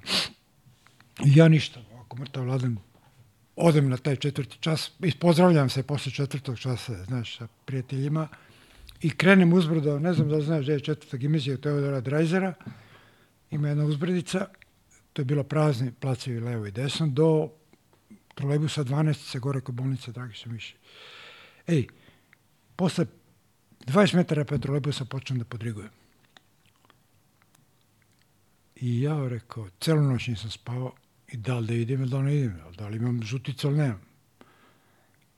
Ma rekao, idem, baš mi ga neki zarazi. Normalno, to je prošlo, ali, ali sam jako sugestibilan tu. Strašno. Mislim, I toga sam svestan i s tim se borim. Jedan put sam na, na sistematskom pregledu bolnici Sveti Sava, bili smo, ja sam bio u formi, fenomenalno. Četvrtak nema rezultata, sistematski pregled bio u ponedjeljak, u četvrtak ja dolazim, ulazim tamo u kancelariju, rekao, "Jel ima ovaj rezultati pregleda, ja treniram, da li, kaže onaj naš sekretar Saki, tehnički direktor kluba, dođi malo kod nas, mi sednemo, da dođeš, kaže, u ponedjeljak na pregled kod interniste. Znaš, odmah znak pitanja, zu lampe su upale, ove su lampe male, koliko mi je svetlo.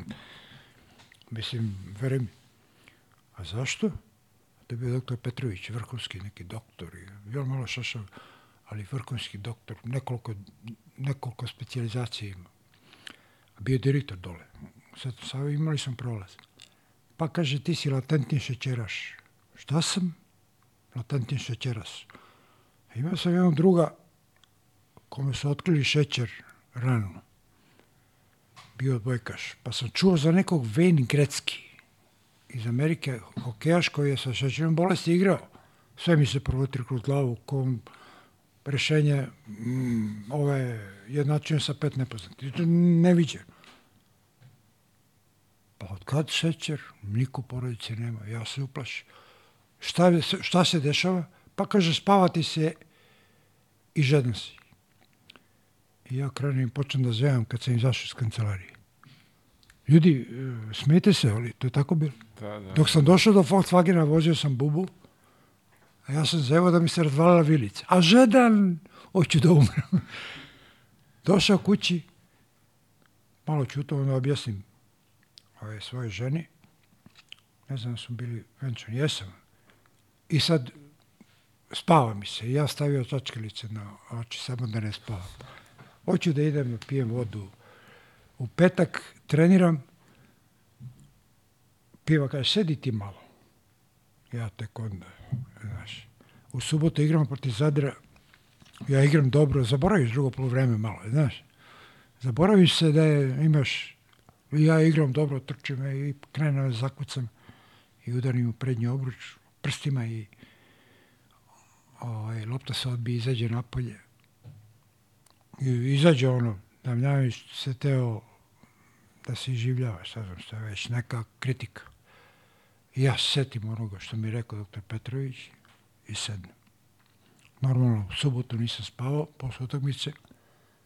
Nedelju ceo dan zeva i pi vode i, i u ponedeljak sisnem petlju kod doktora. I sad uvati me sestra, odmah imao prolaz, znači bilo je to, to je dole na čošku, znaš da je kod stanice, znaš da je, sa, e. I oni meni daju jednako veliku času glukoze da popijem. I ovako me drže, jel ti muka? Rekao, nije. Kako nije? znači, šećeraš ako popije toliko šećera, odmah ima... Preko nije mi muka. Da sad ja gledam, tu već sam prevazišao to. Preko nije sad, već mora se tim. I svaki pola sata ti vade krv. To je pod opterećenjem.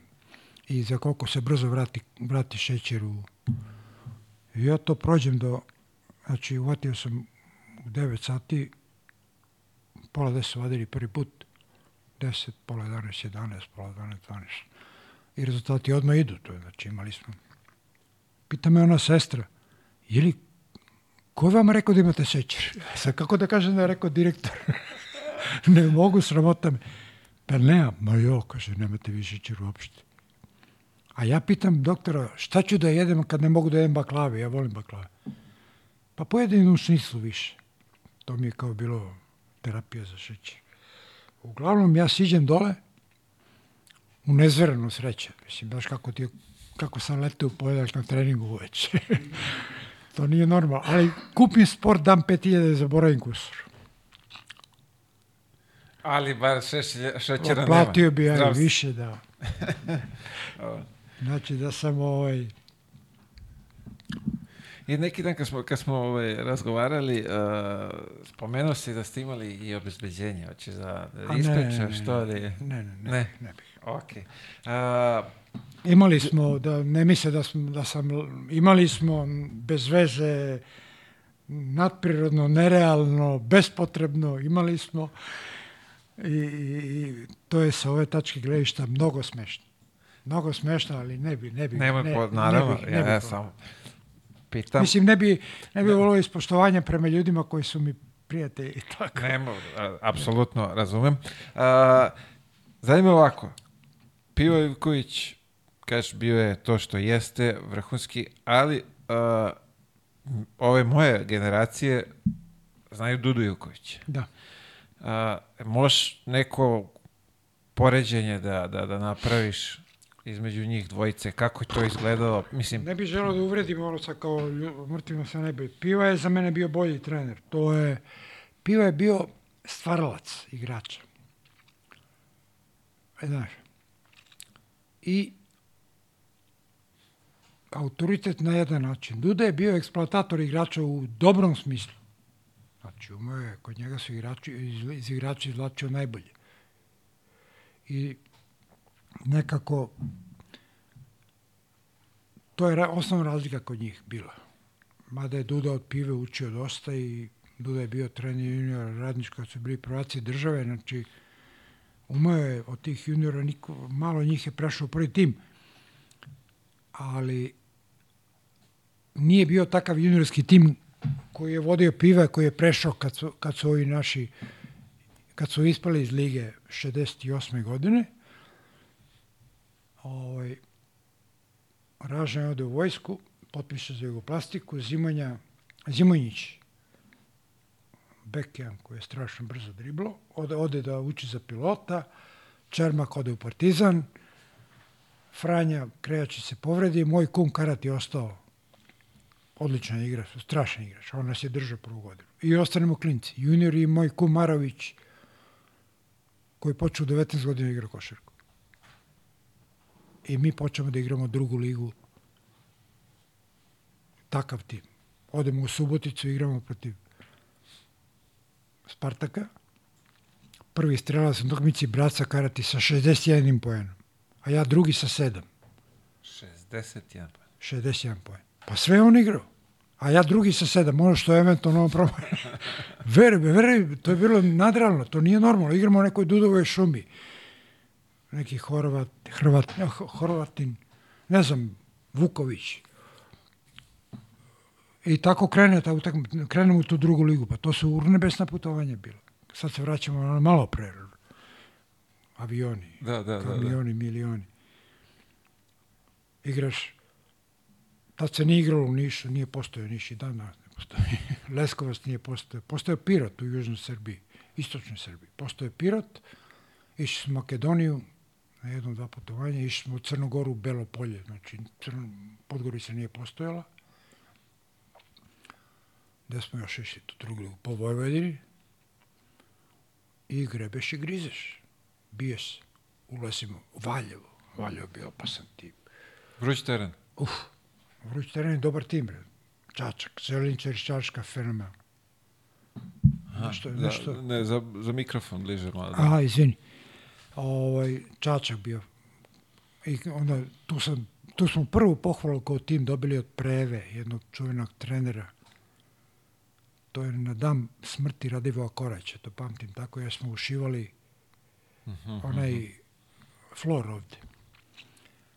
Kad smo počeli da igramo i kad smo dobili Zrnića koji je odličan tim bio, ali pored, teren pored stanice.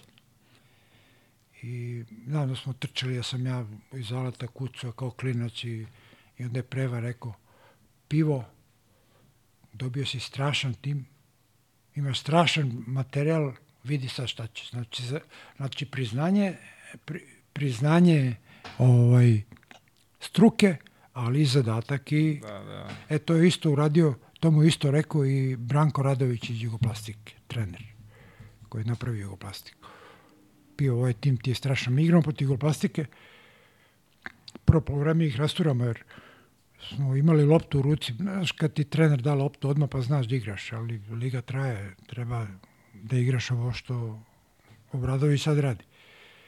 Drugo polovremena nas oni stignu, pošto nisu imali snage, ali kazao je, isto ist, ista vrsta pokola je bio. Strašan je tim sad, pos, naš, vidjet ću, kao lovac će da budeš dobar, a kao lovina, ne znam, to je teže se- biti lovina. Da, da, da. To je Đoković rekao. To je neko rekao za Đokovića, Mekiro, a to je činjenica. Znači, lakše je da juriš uspeh, teže ga zadržati. E, bio je bio taj... I onda smo igrali tu drugu ligu jednu i znam da smo igrali sa kombinatom iz Rejina, dobar tim, stariji od nas. U Beogradu smo ih dobili po nekoj kiši na na otimanje, na, na tasu, na ne znam na šta. Kiša bila, nisi mogao driblaš na krstu, ulika neke rupe. Pa. A u, u Zrenjaninu mi dođemo na orkestar, 5000 ljudi. Mi se odsekli strah. I krenemo da igramo i oni su uplašeni. A što je najbitnije, to prepodne mi odemo u Ečku, u, u jedan, ima jedan zamak ili ne znam kako se zove to. Znaš možda. Da, ne mogu sad setim kak... E, Ečka, Ečka je mesto i tu ima jedan zamak i tu mi odemo kao dnevni boravak i da jedemo ručom kad oni tamo. I sad idemo i gledamo se ovako. Ja sam Radenkovića nekog koji je igrao protiv mene. Ja ga gledam od straha, hoću da umrem. A on mene gleda. A ja sam imao jedan farbani džemper. Toga sećam i fleka bila ovde, nije dobro farban. Nismo imali. I ja sam se eks, eksperimentisao tako. I sad gledam da li gleda mene ili fleku. Ma on gleda mene i on se jednik uplašio. Novaković neki. To. I mi krenemo da igramo i počnemo da igramo. I sad, to je utakmica da sam ja odigrao prvi 15 minuta, 20, fenomenalno. Sve sam, pa, a e, veruj mi, e, uhvatio sam ne znam koliko lopti trčao, lopte su mi padale od straha i meni u ruke i njima, oni se ne skaču.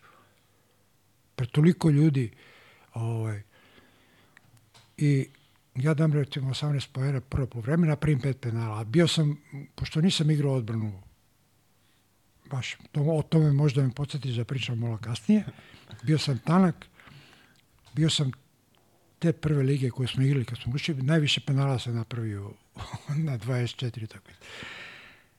E, odigram fenoma prvo po vreme, početak drugog, pet penala i onda igraju drugi. Tako da sam igrao prvo po vreme, pa onda nastavio Tvigi i Srećko uzme banku i završi utakmicu. I sad vraća se, vraća se nešto, ražanju u vojsci sedi, sedi pored njega Zimonjina majka, pošto oni kumovi. Zimonja ulazi posle vojske prvi put da igra, a imao je tvrdu ruku, znači ništa je mogao pogoditi penal, ali je strašno brzo. I sad njegov drugar iz vojske, koji je izašao istog momenta, jedan debeli, malo punački, juri ga da napravi ona dva penala koje sam ja nekad pucao zrenjinu, tako. A utakmicu Srećko kontroliše. Peše se razlike za nas i nema tu, to Srećko uzo pripalio jedno 3-4. Klinac je, bote Bog. Nismo, nismo se brijali uopšte. A Zimonju juri ovaj oko koša i on ovako. Ovako, pa oko tribina, tamo iza publike, ne vidi se. Publika se okreće. Čekaj, da to sve tako moglo da... da... Pa moglo je tako, bre. Ja. to je una. I sad ovaj butpasti kaže, Bobane, stani malo, ne mogu više. A ovaj beži, ja ne mogu da ubacim penal, jesi lud. Možda zamisliš kako ti izgledalo. A Zimonjina majka kaže, i Jur, Bucko, Bucko, ražen su zvali Bucko, Ju, Bucko, što zovu, što jure mog Bobana? Bucko bezobrazan, duhovi do besesti, kaže, znate, gospa Vera, on je peder, pa i ju pre toliko ljudi, sad ne znam da li ovo smete da mislika, i ju zar pre toliko ljudi. Mi o toj priči, ta priča je nevjerojatna i dan. Novi Big Hybrid Flex savršeno brije. I da, oštrice mogu da mu se zamene. Mi smo tu drugu ligu ušli u prvu i tako klinački, sa klin, kao klinci odigrali tu prvu ligu. E, pamtim to da smo imali neke kilove dresove koji su u pravoj boji, samo prvo kolo, čim je opereš, odmah počinju se izjednačavaju gaće i, i dres. I, o, ovaj, I igrali smo to, ja sam tu, u toj ligi sam imao najviše penala. Isto sam već, već smo bili, ovaj, pa čas igra jedan, drugi čas igra. I sve nas je nosio brat Sakarati. Taj, on nas je vodio uh -huh. i nosio ovako glavni, kao glavni igrač. Tako da, ovaj, i sad mi igramo tu drugu ligu, u tu prvu ligu i ispadnemo iz lige za, bo, za dva boda sa pozitivnom koš razlikom. To se nikad nije zabele, to nikad nije zabeleženo ni jednoj košarkaškoj ligi na svetu.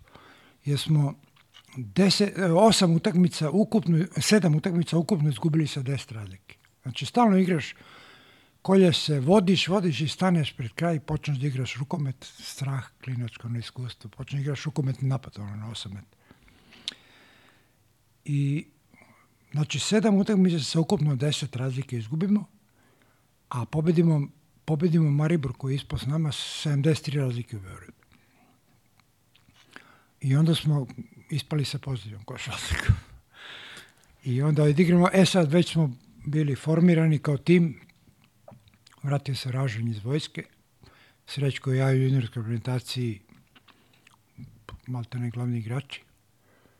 Ovaj, a Mek već postoji igrač, Marović, postoji igrač naučio da igrao fantastično brzo napredovao, Ražanj se prilagodio nama, Tvigi na granici na ulazku reprezentaciju mi počeo tu drugu ligu smo taj drugu drugu ligu smo odigrali sa lakoćem. A smo dobili Mavrovo 188 40 na primjer. I ovaj i onda smo ušli u prvu ligu na velika vrata i krenuli, bili osmi, četvrti, prvi. E, ima tu jedna stvar koja je vezana za tu drugu, za tu drugu, drugu ligu gde smo bili fantastičan tim, gde smo se puvali, što kažeš, mnogo volimo se puvao. Mi se vratili sa Evropskog srećko ja, ovaj sa pripremom orientacije Tvigi i Mek, ne znam. I postava bacamo drahmu, ja sam imao drahmu u džepu, iz Grčke, bacamo drahmu ko igra u postavi, znaš. Misli koliko je to klinačko puvanje. I bio odredi postavu, krenemo, igramo protiv mladosti u hali na Novom Beogradu. Mladost iz Zemuna. Njih došlo devet. Nemaju isti šorc. Nemaju isti šorc. Jedan ili dvojica koji su igrali nisu se vraćali u odbranu uopšte. A za njih igra Packe Biđak. Strašan igrač. Čudo igrač. Mali, nizak. Ali pamet, bek, neviđen. I mi onako naduvani krenemo. E sad, ono čuveno pivino, zamisli njih krene, a nas stane. Jer piva je posle toga u najbezvezniju utakmicu vodio najbolji tim. I prva postava igrala i u, i u Svilajncu, i Mavrovu, i bilo gde. Zamisli njih krene, nas stane. E, tu je krenulo mladost, a mi se ukočili. Ne znam da se igrao takve utakmice.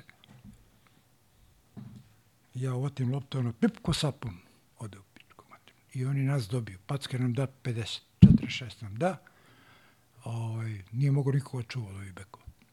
On ima nizak čovjek, strašan igrač. Da je igrao, da je igrao kod nas, oni srećko bi napravili rš. I posle toga, što najbitnije, nisu nas ni zezali hodniku. Prošli pored nas kao pored Turskog groblja.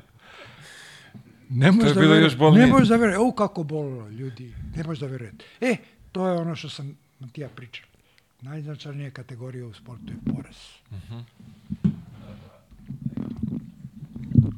Najznačajnija kategorija u sportu je poraz i već sutra dan ujutro na treningu piva nije, nije treba kaže ništa. Izginuli smo. Izginuli smo. To je prštalo je. Neka trening utakmica protiv Partizana. Kucali smo preko pet od sramote. A šta su nam radili ovi na krstu? Koliko su nas zezali ovi? Ajde, beži, ko ste vi gubite od mladosti? A mi bre, reprezentativci već. e, kako te nauči, kako nauči pamet. I tako krene. Spustite život brzo na... na, na, na Ja, to je ono što brže naučiš od, razumeš? Opali po ušima, lepo. Lepo i ako naučiš, postaješ igrač, ako ne, beži.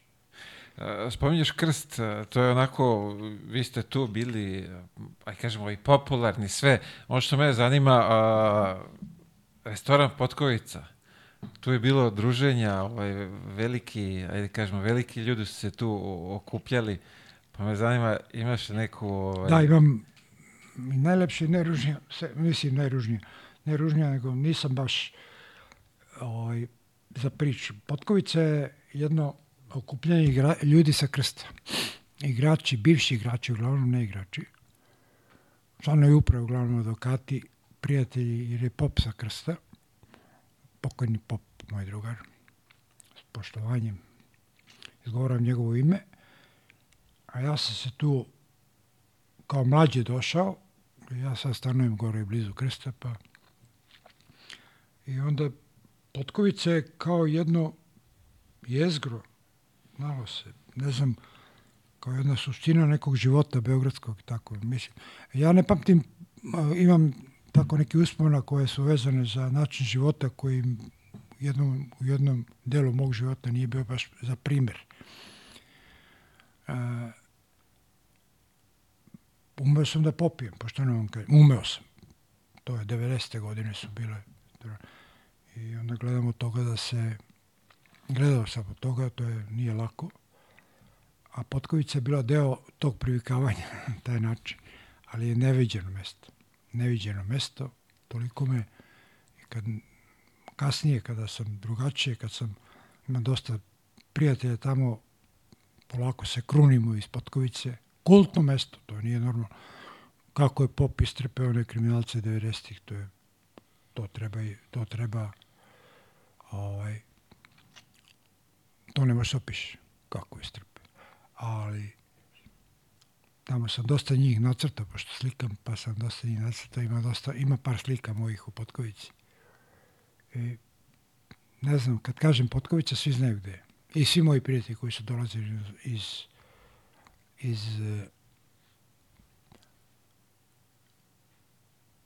ovaj, iz Jugoslavije, ali svi iz Ljubljane, Zagreba, sve sam, svi smo išli u Podgoricu.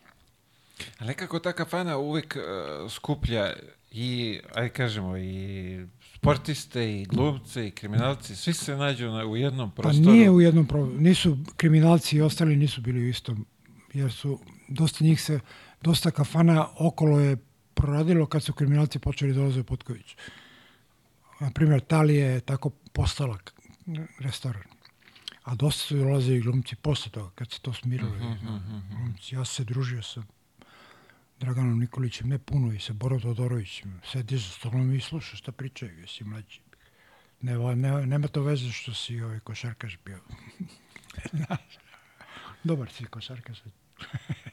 ali bilo je, bar kako ja to gledam, ja sam imao priliku da prođem pored njih, nisam ovaj, nikad sedeo, razgovarao, pa, pa mi je bilo drago, mogu zamisliti ne, ne, ne, bilo je prelepo. slušati ovaj, te njihove priče.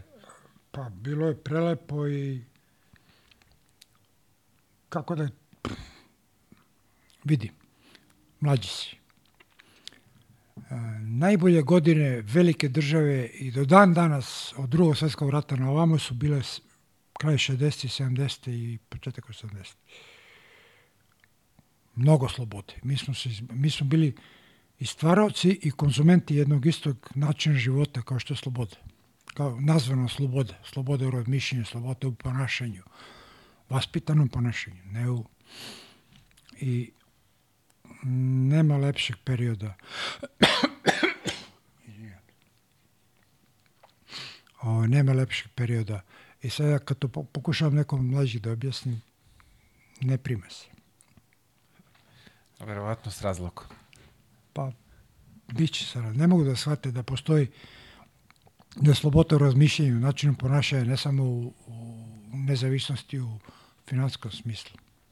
Mogli smo noću da izlazimo, uh, niko, mogli su mogo si ideš noću po Beogradu, niko ti ništa ne bi radio. No, nije, nije to festivali, pozorišta, bite fest. Bitno je da imaš. To kaže moj drug Bata Jelić, u Banja Luci smo sve pozorišne predstave gledali kad dođu iz drugih centara. Ovde u Beogradu nisam bio u pozorištu, ali znam da je tu, da ga ima. Znači, to je mentalna kategorija. Da, da. Mislim, sad smo malo previše zatrpani televizijom i, mnogo kanala, svega tako da pretpostavljam da... Dobro, govorim samo kao o pojavi, znaš, ne, ovo je potpuno drugačiji način života i ovaj, drugačiji ambijent i volio bi da neko još ima ovako lepe uspomene kao ja. A, zanima je tvoj odlazak u inostranstvo da igraš košarku. Kako da. to izgledalo? Teo bi samo nešto kažem ovako. Moja žena je, moram pomenem ženu, jer ako gleda, gleda ubiće. A ovaj, ne, ovo i seci, molim. Da kažem, moram pomenem ženu. Moja žena ovde 55 godina, ona je iz Splita. I došla ovde studira, videli i živim, i upoznali i smo zajedno. I bila je veliki navijač. Ona i dan danas kad navija za Đokovića, ona stoji ispred televizora i igra forehand i backhand. To neviđeno koliko je neviđeno koliko je, koliko je emotivna. I, I sad ona je bila veliki navijač radničkog. Veliki navijač. Ne samo ona, ali ona, ja govorim o njoj. I sedne u prvi red i navija i sudija i psuje, Boga mi. A bila je, ona je završila ekonomiju i u jednom momentu je bila profesor u drugoj ekonomskoj školi. I sedi u prvom redu, kamera preko puta, ona skače, navija, psuje majku sudi. to nije normalno koliko, e, znaš. I sad dolazi sutra na, na u školu, o drugarice, da se govori o drugarice profesorka. Nismo znali da tako navijate, kaže moja Vesna pocrvena. to su tako to je bilo. To je neviđeno nešto. Mislim, to je ambijent kako ne. Jedan put je na jednoj večeri nas je bilo prisutno osmoro, 2, 4, 6, 8. I onda su sa te večere Aha. onda su sa te večere šestoro otišlo pravo u Trst. Znači imali su pasoš u džepu, a ja sam morao na trening. Sa večere pravo u Trst? Pravo u Trst. To je čisto da je popiju kafu. Nikakva trgovina, ništa posebno. Ne baš kafu, ali kupu po nešto. To je to vreme koje je pokazivalo uz one automobile, uz one puteve, uz... Danas je Trst lep i mrtav grad. Onda je živeo od Jugoslovena. Lepo je to. Da se vratimo, ovo su, ovo su pričice. Ovo, svaka, ovo će potvrdi svaka žena, ženska ili navijač. Moj otac je sedao u šeširu, nije nikad navijao. Majka je bila jedan put na utakmici kad su počeli da mi psuju majku.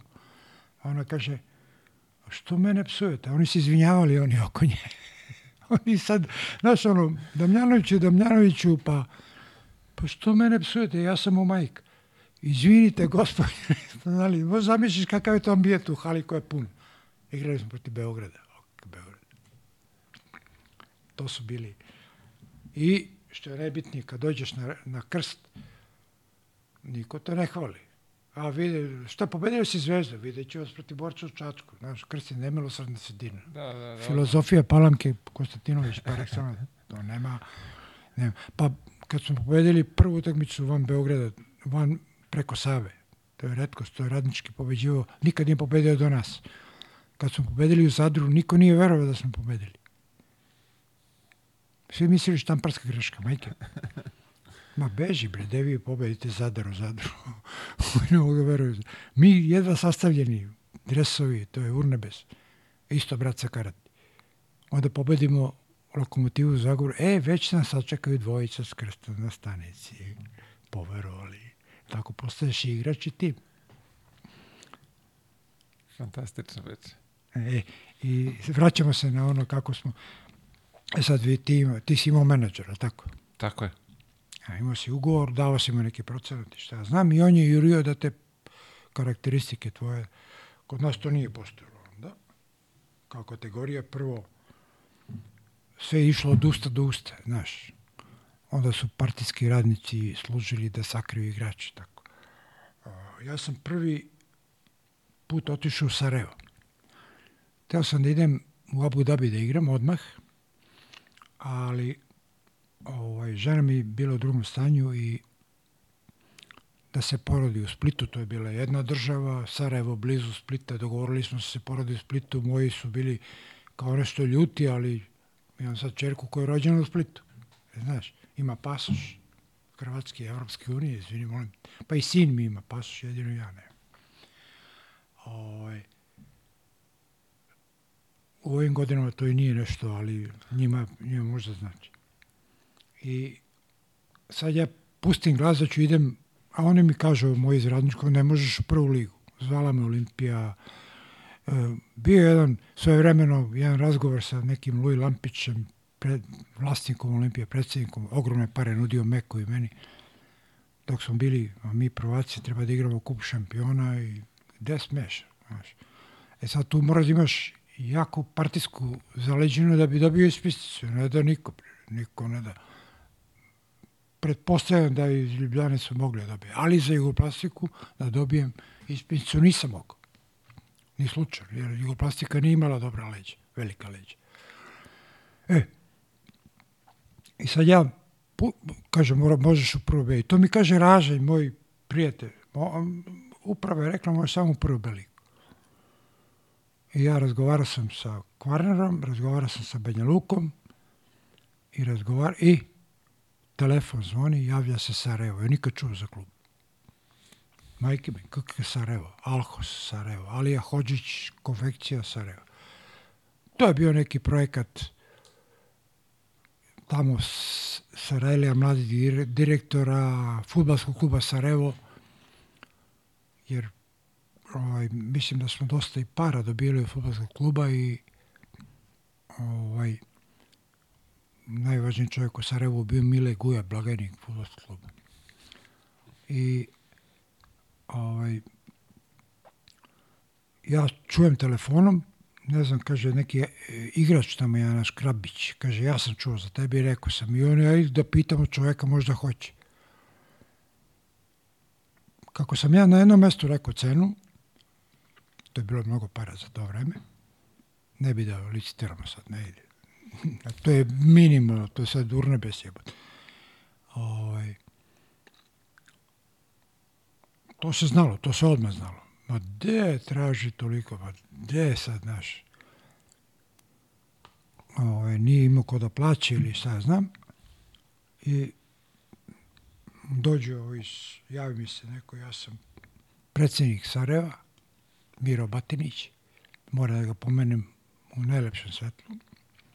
Ostao mi je prijatelj. I da li biste vi igrali za Sarajevo? Znamo vašu cenu, da se ja nasramotim telefonom, a tad nisi imao mobilni, nego onaj fiksni, znaš. I ja kažem, da, možemo da se vidimo. Ja rekao, možemo, kad i gde? On kaže, pa mi smo u Beogradu neki, neka partija, nešto. Ovaj. On je direktor Bosna puteva. To je najveća firma za izradnju puteva u Bosni. Doćemo mi, deda, dođi, dođite ispred solitera 208, o, ispred lađe u Vojvode stepe 284. Tu sam ja dobio stan bio, kao klinac. I sad ja izlazim, čerka mi gore sama, ostaje, ne, nije, nije, nije se, nije se žena porodila, žena već u Splitu. Ja sedim pored telefona, oni se jave, ja siđem dole, siđem, odem u samouslugu, kupim šta sam trebao kupiti, jer sam usluga ispod mene bilo. Dan danas. I stojim na šinama. Verujem i na šinama. Evo, danas mogu ti nacrtam to mesto. I ovaj, to je mesto gde sam ja dobio prvi ključ stana. Jer taj soliter sam se uselio umesto Đoleta Perišića i na tom mestu mi je dao ključ. Kao klincu, ja sam dobio od reprezentativac, dobio sam, znaš, to je nekad bilo mnogo, znaš, Da, da. kad sam pokazao mom ocu ključ od stana, počeo da plače, mislim, jako velika, velika materijalna i statusna kategorija. I na isto mesto ja čekam sa kesom u ruci, dva metra stoji čovjek, ko ti danas da staneš na šine, i staje jedan Renault 25 turbo, direktorski auto, ogroman auto, ne znam koliko iljada kubika. Ovaj, troši kao manja pumpa, e, znaš. I staje pored mene, izlazi jedan lep čovjek, stariji od mene deseta godina, lep čovjek, vaspitan, uglađen, lepo priča. Dobar dan, Damljanoviću, ko da smo se... Ja rekao, da, ja sam Damljanović. Ovaj, ovaj, mogu da te zovem Dugi? Ja rekao, možete, svi me zovu Dugi, sam majke. Mene i deca zovu Deda Dugi. I unuk mi kaže Deda Dugi. I žena me zove Dugi. Ja zovem me Miroljube samo kad je ljuta. Tako mi je majka zove. Miško, bio sam Miško, a samo Miroljube kad je ljuta. I izađe iz kola, pozdravi se sa mnom, još neko je bio u kolom, nisam upamtio ko je. Mi bismo da igrate kod nas. Pristajemo na vaše uslove. Rekao, redu. Kad treba sam tamo, dođite 3. augusta. 3. august bio ponedjeljak. To je bilo u, u junu.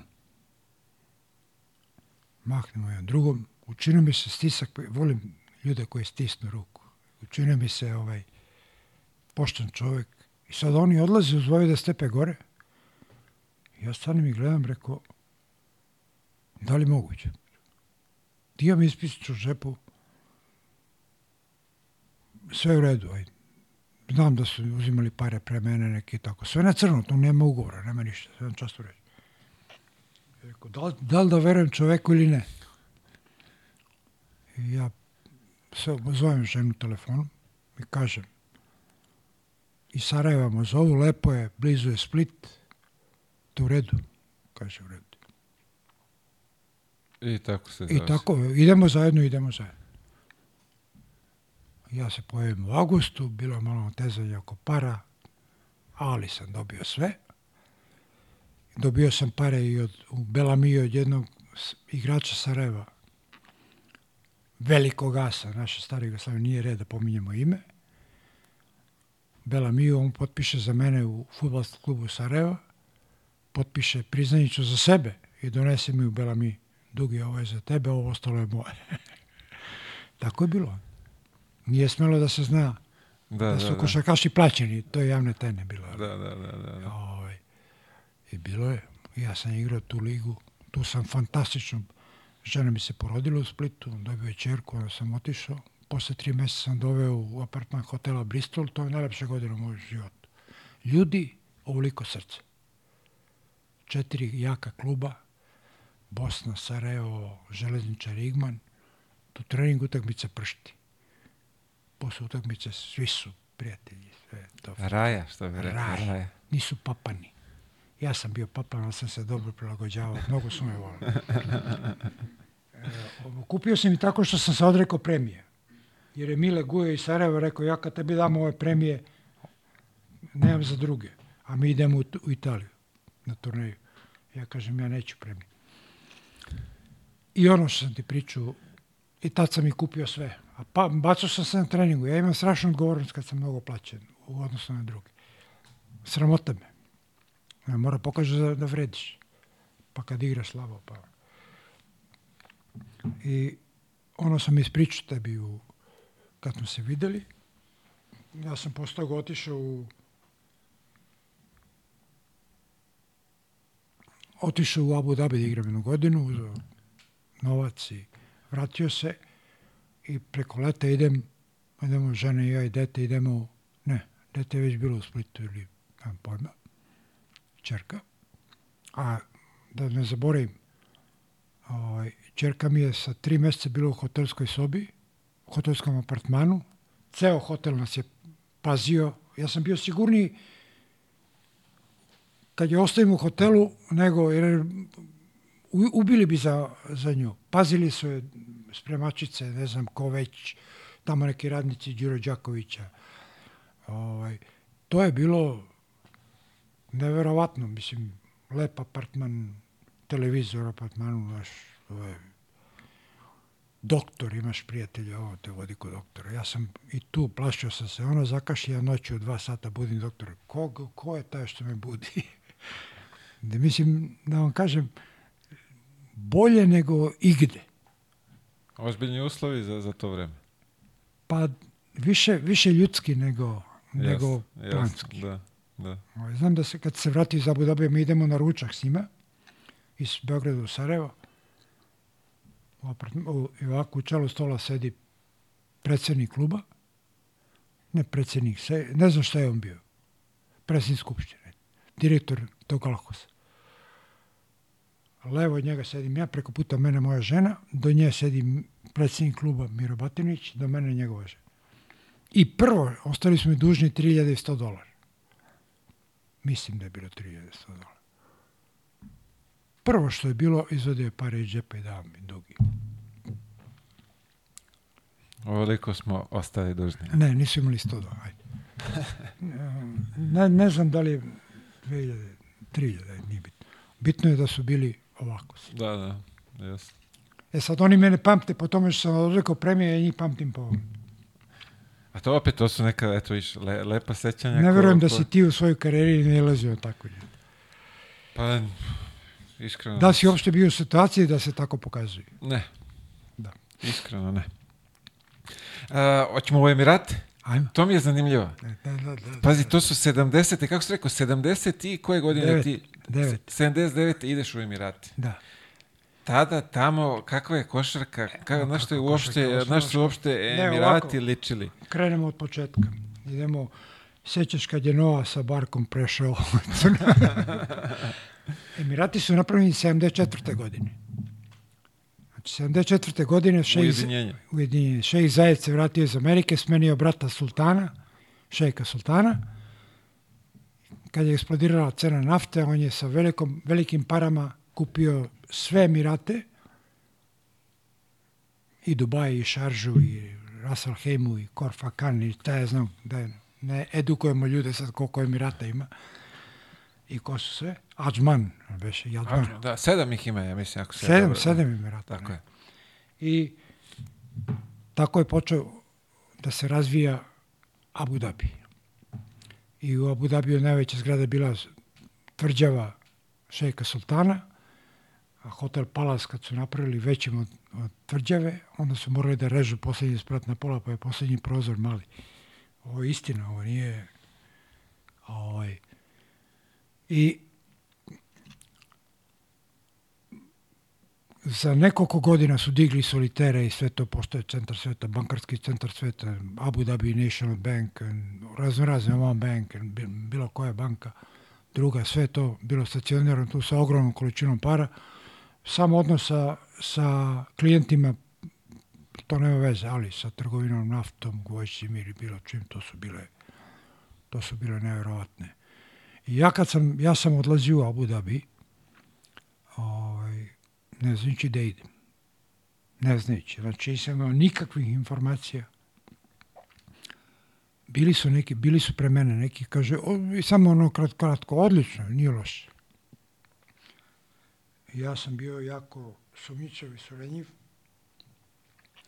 Kad sam odlazio, poljubio sam se sa mojima. Beograd, Kuvajt, Kuvajt, Abu Dhabi. Imam 500 dolara u džepu svojih. I dolazim u Kuvajt na aerodrom, napolje plus 50, u, u, na aerodromu 19. Hladno, neke plastične stolice i red za vizu da odeš u Kuvajt. Ja sam imao jedan dan u Kuvajtu ceo, a tamo bilo dosta naših. Znaš. Ja sam, oni su mi dali neke telefone da se javim bilo kome, da, znaš, fiksni telefon, pa i to je naši radnici koji su iz Kuvajta išli u Bagdad, u, u Irak da rade. I oni samo pokažu jugoslovenski pasoš, Prolaziš. ovi nešto pogledaju, beži, beži, beži.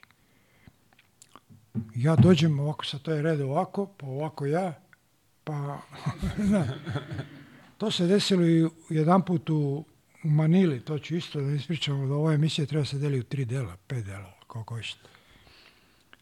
Ovaj, I ja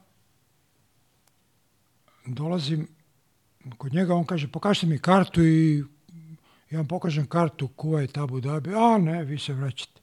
A ja onako bezobrazno, naš ovdašnji, beogradski, jugoslovenski, kako oni mogu? Kada onaj vojnik pored me njega sp- spustio mašinku.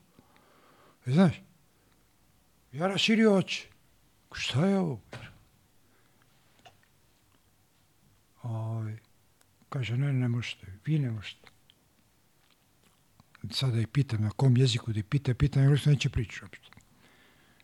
I Ja uđem, izađem, sagnem se ono, izađem, a on počnem govorim. Odem da čekiram kartu za Abu Dhabi, neće. Nemam povratno.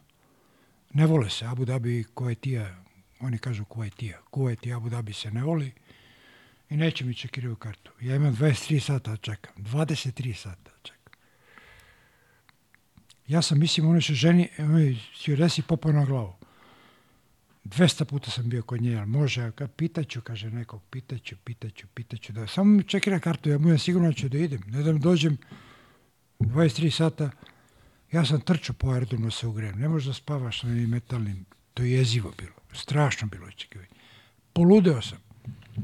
Ovaj, I na kraju jedan put dolazi ona, smeje se ovako oko glave. A ja sam je dao 500 dolara i kartu. I ona ode, mogla da ode kući, uopšte nije. I ona dolazi i smeje se ovako oko glave. Lepuška sta bila neka. Nije imala ono... I Zar, a se to kaže Zar, beš, jeste. I kaže, čekirali smo kartu, evo vam 500 dolara. Pa kaže, toliko ste bili, onaj direktor rekao da je pusti dečka, nek ide. I meni, ja momentalno zaspim u plastične stolice, su morali da im bude kad je bilo vreme za avion. Ja u Abu Dhabi, e sad ti, ja sam izašao iz aviona, iz tog aerodroma, izašao na plus 41, kad me udarilo ono u glavu. I tamo neki čekaju. Samo su čekali, došli do aviona, nije bilo paša kontrola. Aha, aha. Čim su vidjeli konja dva metra, Ti s nama. da, kako, kako se kaže dobar dan tamo na arapskom, zaboravio sam. Ajmo Nije se bitno. Setim, ja. Ovaj, salam alaikum. Selam Salam alaikum, alaikum. Tako ja. je. I u auto mi stvari, ne brini za stvari, sve će dovesu. U hotel i ja tamo dođem, oni me puste da treniram napolju, Kako napolje? pa napolju. Kao bio trening napolju, ono plus 40, ja ne mogu se pom- pomerim.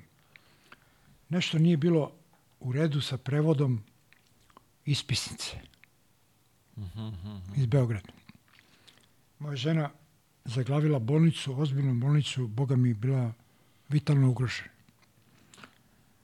I sad ta borba u tih pet dana sam, to je jezivo kad si sam, mislim, verovatno znaš. Nema s kim da pričaš. Par njih iz kluba, ovaj, od to napolju kad sam trenirao, to su rekli, ma beži kući, ne valja ti ispisnice. Dok nisam ušao u halu. Kad sam ušao u halu, Kaže, samo su dolazili jedan po jedan, vidi, vidi ovo, ka- e, znaš, i shvatili. I tad su proglasili da Dugi slabo igra napolje. Veruj mi, to, su, to je bilo problem. I kaže, ispnica stvarno nešto ne valja i kaže, evo ti pare, idi. Kod njih, kod njih, kao što znaš, pare, ili bar ja što sam, pare nisu problem. Sve ostalo je problem. Sve je bukra, organizacija, urnebes. Ali pare nisu problem. I meni daju kartu i, i, i pare ovako za džep. Idi, idi u Beograd, napravi novu ispisnicu imaš ugovor. Ja potpisao sam ugovor. Na časnu reč. Znači, sve je moglo. A ja jedva sačekao da dođem da ženu vidim u bolnici. I ja dođem u Beograd, dođem u, uzmem, Ras Šaper mi pomogne da dobijem ispisnicu i ovaj, da, da mi daju korektnu ispisnicu, ja odem kod jedne, jednog prevodilaca, jedna žena prevodilac preko puta pošte u Bulevaru Lucije. I sad ja joj dam i kao seo, ja sad njoj da objašnjam na engleskom kako treba. Ona kaže, molim vas, ja radim svoj posao, ja znam kako se to.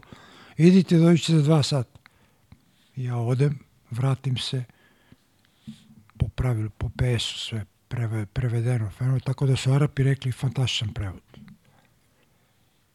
I ja odem u bolnicu, Boga mi bilo je ono sa ženom, da li da idem, da ne idem.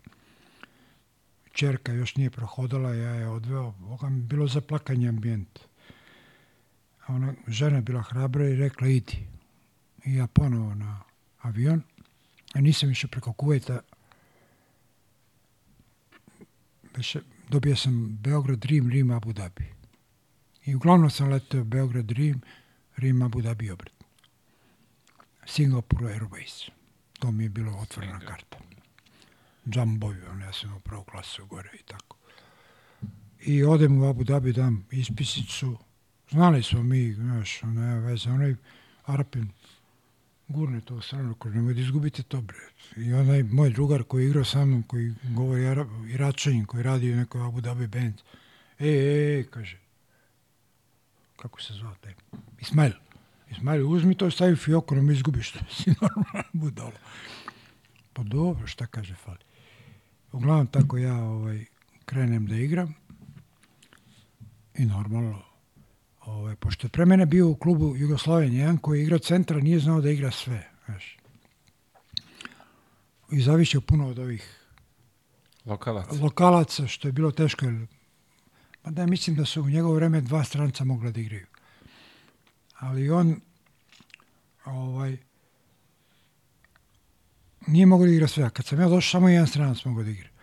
I znam da je prvu utakmicu smo dobili, gde smo je dobili? Dobili smo je negde gde me nisu gledali, znaš. I sad dolazi šarža koja ima pretenziju da bude prva. Ti znaš da je šarža sa strane imaju jednog sirica, dobrog beka, odličnog, jednog fozan, krilo jedno iz školovan iz Emirata, lokalac. Tako, oko dva metra malo niži. Jednog centra Egipćana komu su dali pasoš. Odličan tim. I oni su mislili da za njih igra taj Jugosloven koji je bio pre mene. I ja dođem, ja, kad se počeo da okreću glave. Ja sam pucao s kolena sa pola terena. Ovako taj backhand shoot. Toliko sam bio bezobrazan na kraju cijeli. Nisam promašio nijedno. Ne znam koliko sam dao. Mnogo. Za njih mnogo. Ali kad sam poveli, oni ti, znaš, ja vidim ne daju loptu kad smo poveli sa puno razlike. Onda ja dođem tamo pod koš i uzmem loptu i ja prevedem. Sam. Pusti sad njih. ovaj. Uglavnom, tek onda se raširi glas i posle jedno dve nelje izađe ono njihovim novinama, desno na levo, šejk dugi. Šejk dugi. Šejk dugi. To, A, to je čast. pa to je velika, velika, veliko priznanje. A ja sam bio nesjet. Pa dok sam, kad sam dobio pare u banku, idem, hoću da uzmem pare, da, pređem u drugu banku. Kad ona, ona žena ne da pare, pita šefa, ej, kaže, 200.000 dirhama. Ovaj, 170 i nešto hiljada dirhama. Mnogo je pare. Pa hoće čovjek, dajte mu. Ja te pare u torbu i sa onim u Abu Dhabi. National Bank, kod ovog drugara za ne bože. I onda smo tako igrali smo u Abu Dhabiju domaći, a kao gosti smo igrali što je bilo Abu Dhabi od Jazeera i Abu Dhabi Sport Club i sve u Dubaju. Nisu hteli da putuju, oni su bili aristokratija. Na Dile Emiraca moj klub zvao United Emirates na arabskom.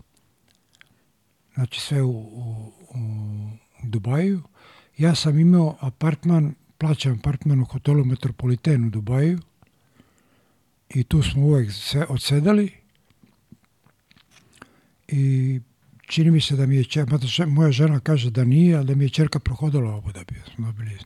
E sad, oni su došli kasnije, ja sam bio već poludeo, ne volim kad sam sam i nostalgičan sam čovjek i 24 sat, 24 dana mi ovaj, mogu da budem van Beograda i onda mi stane ovde kamen. To se dešavalo i kad sam putao u Južnu Ameriku neko puta i znaš, na more kad odem. Posle da. 20 dana već hoću natrag. Mislim, to, i vojske, jo, i vojske, to tragedija bilo. Ja sam peške išao kad sam pobegao, iz, i kad sam dobio prvi put iz vojske. Da idem kući. Kaže, onaj, daj izmisli neki razlog, jer tamo se strogo vodila ura- uranilovka, ne sme da se da bude Damjanović košarkaš, mada sam bio privilegovan. Ovaj, kaže neki razlog, ja kažem, hoće da mi uzmu stan. O, I on sad ode i kaže, pukovnik hoće da mu uzmu stan, ja ga ne bi pustio. A pukovnik kaže, pusti dečka. I to tako ide, znaš. I ja u Beograd, ja sam peški išao do aerodroma do Voždovca. Možda verujete. Peški. Autoputem do autokomande. Samo ko gleda, Beograd isti, onako, siv. Ali nedostaje. Ali nedostaje i ovako stoji ovde. Onda popusti. Onda se odomaćim u Zagrebu. Trenirao sam montažom i igrao futbol za Trešivku kao švercovan i tako. Prošla mi godina ovako. Čas posla prođe. Da, da. A dobro, kad je lepo, ka- kad je sve E, prijetno, prođe navikao brzo, da. E, vole mi, montaža je bila fantastična prema meni. Maj, to je neviđeno. A se vratimo na Abu Dhabi. I ovaj, zašto, su, zašto je to bilo važno ako sam igrao napolje ovo par puta. To tad početka, početka, dok je bila ona vrućina nisam mogao da išem uopšte na škrge, jebote, jezivo. I igramo protiv Jazira u Abu Dhabi. Znači, to je, moj klub je preko puta mog, moj, mog stana bilo, bio, a Jazira bilo na par kilometara prema aerodromu da se bio to, znaš, Air Patrol. Da, da. Oni su bili plavi. I sad imaju, pošto imaju isti, isti istu građevinu za klub kao i, kao i Abu Dhabi, sport klub je kao moj Nadil Emirat, mi zeleni, oni plavi, plavo-beli, a sport klub crven. I ovaj, odemo u tu džaziru i ulazimo tamo, znamo, imaju i halu, ko mi ništa, nema potrebe. Mene vozio neki nemački trener koji se družio. Uđemo tamo, oni tamo jednog majstora imaju, kaže, popravlja struja, nema u hali, ne radi klim. Majstor sa krpom. Ovako nešto čačka. Ja znam Arapi, kako Arapi, neko foliranje. Napravimo jednu digresiju. U Čačku. Na kraju hale ima jedno grejanje što duva od ozgo. I kad pucaš penale, puste levu cev. I tebi lopta, čovek koji kao ja mogu da puca 100-100 na primjer, lopta voliko pored koša ide, ovako duva leva cev. I ja se poželim sudi i odemo tamo u polovremenu, a tamo je jedan vinjak ovde, masna krpa i šrafciger je namrštio si i gleda neki osigurač. Moram popraviti, znaš, ono, nisam ja jedini koji ne strada u Čačku, e to je isto priča. I mi izađemo napolje, duva neki vetar, ja šutirao dobro, kako šutiram po ovom vetru, znaš, lopta ide ovako. I što je baksus, što oni baksusni. Ka, ja inače onda moraš da skačaš, što je isto, ali to je naporno da bi izbatili, možda se povrediš sve to drugo. Ko će šutira? Gde ovi moji, kad se uplaše, uplaše se, kad neko počne da ih bije. I Ma, ne možeš da veruješ, pet minuta pre utakmice, deset, ja sam možda preterao pola sata pre utakmice, stane vetar. I ubijemo ih. rekao, igrate napolje? E, pa tada. Sad ćete da vidite. Hoćete da vidite. Inače, malo su trenirali, ja sam trenirao tamo dosta. Išao na teren, trčao oko futbolskog terena, oni gledaju, ovaj, čistači, tamo je dosta onih O, kaže onaj Damjanović, pa ja znam da me čeka, da me čeka ovaj dugi, ali smo dugi. A, znam da mi naporno povredit ću se, nema tu vremena za zezanje. Drugo, sam sam bio. Strašno terećen, televizije nema, imaš samo onaj, ne razumem jezik, imaš onaj dnevnik 9.30, 9 i 30 uveče. Na engleskom to tek da čuješ šta se dešava i, i ovaj, ne, s kim se druži, sa ovaj, svi imaju formirane živote, neće niko da odvoji vreme za nekog tamo plaći pičkastog stranca koji dobro igra, ali kad izađe samo mi plako je. Ne. I ovaj, tako da sam u tako jednom, jednom suludom raspoloženju igrao i to mi je bilo iz- izbežište. Koliko godina si ti provedao? Dve. Dve? dve godine Da. Jer, jeste, znam da su oni imali, pre mene su igrali celo, prole, celo prolećno deo, jesenje deo u 24 dana, pa onda odmaranje. A kad sam ja bio, onda smo imali ogroman odmor između dva dela. Oni to ne. Da, ima kod njih nekih raznih. I dan danas je ovaj... Ja, da, Nije- pretpostavljam ta organizacija dan Da, danas. dobro, što se kaže, što ti kažeš, organizacija je loša, sve Da, ostalo, da, da. lova nije problem. Bukra, bukra, Bukra, bukra, buj, inšala. kako me izluđivalo više. Da. E, ajde da se dohvatimo malo reprezentacije. Može, Ti si bio deo toga. bio sam. Kako to izgledalo iz tvog ugla? Pa, ovako, kad smo prvi put pozvani u reprezentaciju, to je, bili smo pozvani Srećko ja, mislim, mi iz juniorske. Oni su pravili igrače, znaš. Znači, tip igrača kao što sam ja, bio je pre mene Šolman i Kaponja, ti krilni igrači koji su dobro trčali, šutirali i mogli da skoče, da igraju odbrane, tako. Što za mene nije bio baš slučaj. Ali sam malo naučio da igram odbranu. I sad Kaponja, ja kažem, rekao, Kaponja meni najveći ovaj, preksiročne druženje. Kaponja, Daco, ja da ga zovem Daco. Daco, meni najveći kompliment to što nikad nisu, nisu, nisu tebi dali da me čuvaš. Ni, pošteno ti kaže, ni meni nisu davali da tebe čuvam, ali meni, razumeš, to ti je, znači, samo te čuva neki odbrani igrač, tako nešto. E, ovaj, i oni su pravili igrače za, i onda je došao Ranko na crveni krst, i sad Ranko je sa krsta. Proleće, lepo vreme, svetla, ona svetla, kilova su, znaš, ali navikne se, pun krst, krstaša i tako. I dolazi Ranko, kaže, vas dvojica sutra na trening, ne sutra, nije bitno, četvrta, petak je bio u, u nedelju u sportski centar. Srećko ja. Ali i digne prst ovako. U reprezentaciji ne igraju najbolji igrači, nego oni koji trebaju. Znači, formira formirate. I tako sam krenuo.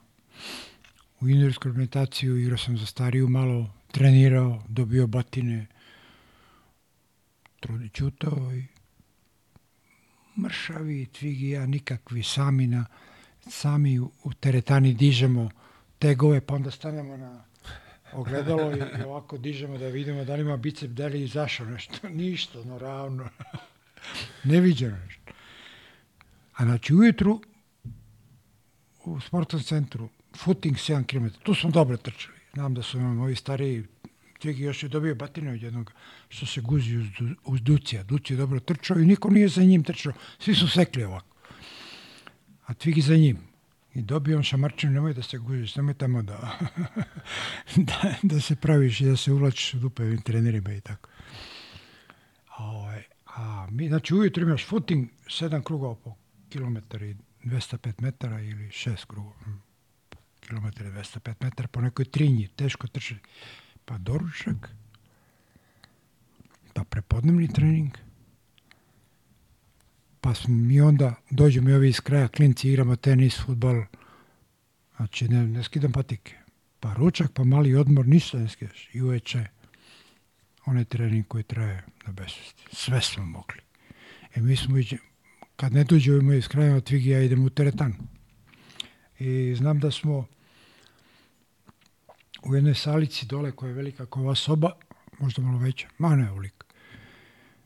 Bio je Trifunović, jedan, da li Trifunović beše? Kovačević, Kovačević. Džudista, čuveni svetski broj jedan, umre, nesretnik. Ove, bio je, kao mladi umro, bio je japanski majstor. Znači, u Japanu je drao se, bio svetski nivo. On, Mate Parlov, treniraju na rock and roll ploče koje pušta sin Duška Bogdanovića, trenera bokserske reprezentacije, dono neki Toska gramofon mali i pušta neki rock and roll i oni skaču. To malo ne, nije prilično usklađeno znaš, ali skaču po ritmu. To je ubistveno teško. I nas dvojica uđemo s njima. I mi to lakše izdržavamo, ali to je strašno teško. Razumeš? To je jezivo. To je ko da skačeš i da udaraš rukom tri minuta, to toliko traje. E, to smo dozvoljavili sebi, tako da pričalo se, ova dvojica baš treniraju i to su, to su objašnjavali kao, kao ambiciju. I onda smo, nećem se prvi put za, za seniorsku imitaciju, kad smo zaigrali, to su bila neke mediteranske igre ili neki turniri. To je kad ste zlato osvojili, tako? Da. Mediteranski? Da. Da, da, u Izmiru, da. A, to je bilo, jer ja sam ono svetsko prvenstvo u Ljubljani 70. Ja sam kao juniorski repetitor čekao, na nogama sam navijao, ja sam navijao, navijač bio, sam plakao. Ne možeš da veruješ, gledao televiziju, ono, nisam verovao. E kad smo išli Izmir, malo vreme, vremenski malo, u, da uvremenim sve to, kad smo išli Izmir na, na takmičenje, ovaj, mi smo se vakcinisali od svih mogućih bolesti. To je isto bilo kad smo odlazili u Atinu na juniorsko prvenstvo. To je bio orijent. Normalno, to nije sada, nije ovo sada. To je bio orijent. Znači, dobili smo vakcine od kojih dva dana nismo mogli da otvorimo oči temperatur. Užas.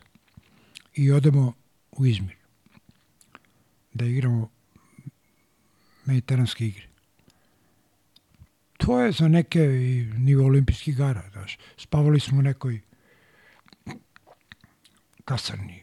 Onaj kreveti svi izdubljeni, ispišani, ono, kako ti kažem, impregrirani. Da, da, ja. Spavaš po 20 u sobi, to nema. Igraš na polju, nešto u hali, nešto na polju. I znam da je ovaj, Ranko poveo mladu reprezentaciju, a po kazni je poveo Šolmana i, i Jelovca. Zašto po kazni njih, ne znam, nešto su radili. I onda kad smo pobedili u finalu, ovaj, Ranko nam svima plati pivo da pijemo. Ranko nikad nije dao igračima pivo. A to je neka mala piva ovako. Svako popio po dva, ubio se. Ko bolševik. I kaže Šolman ovako kao stariji drug, kaže, i ja sam prvu medalju uzeo na mediteranskim igrama, ali se nisam napio.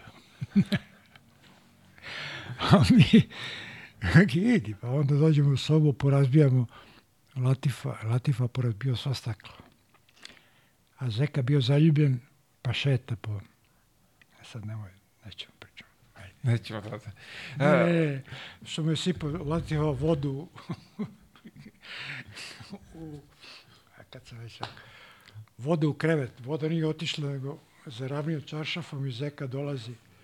A, opet. Zeka dolazi i sede u krevetu i on čuje spljusku u bazen. I samo se diži i odmah znao ko je.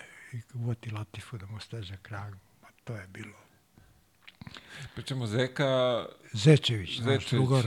tako je, da. Igra za reprezentaciju, dobar igrač. Da, da, da, nego Odličan- samo- Odličan igrač. Ne znam da li će gledalci znati u kom... Zečević Žarko. Da, da, Žarko Zečević. On je sportski radnik, ekonomista, bio odličan igrač. I, a, tako da,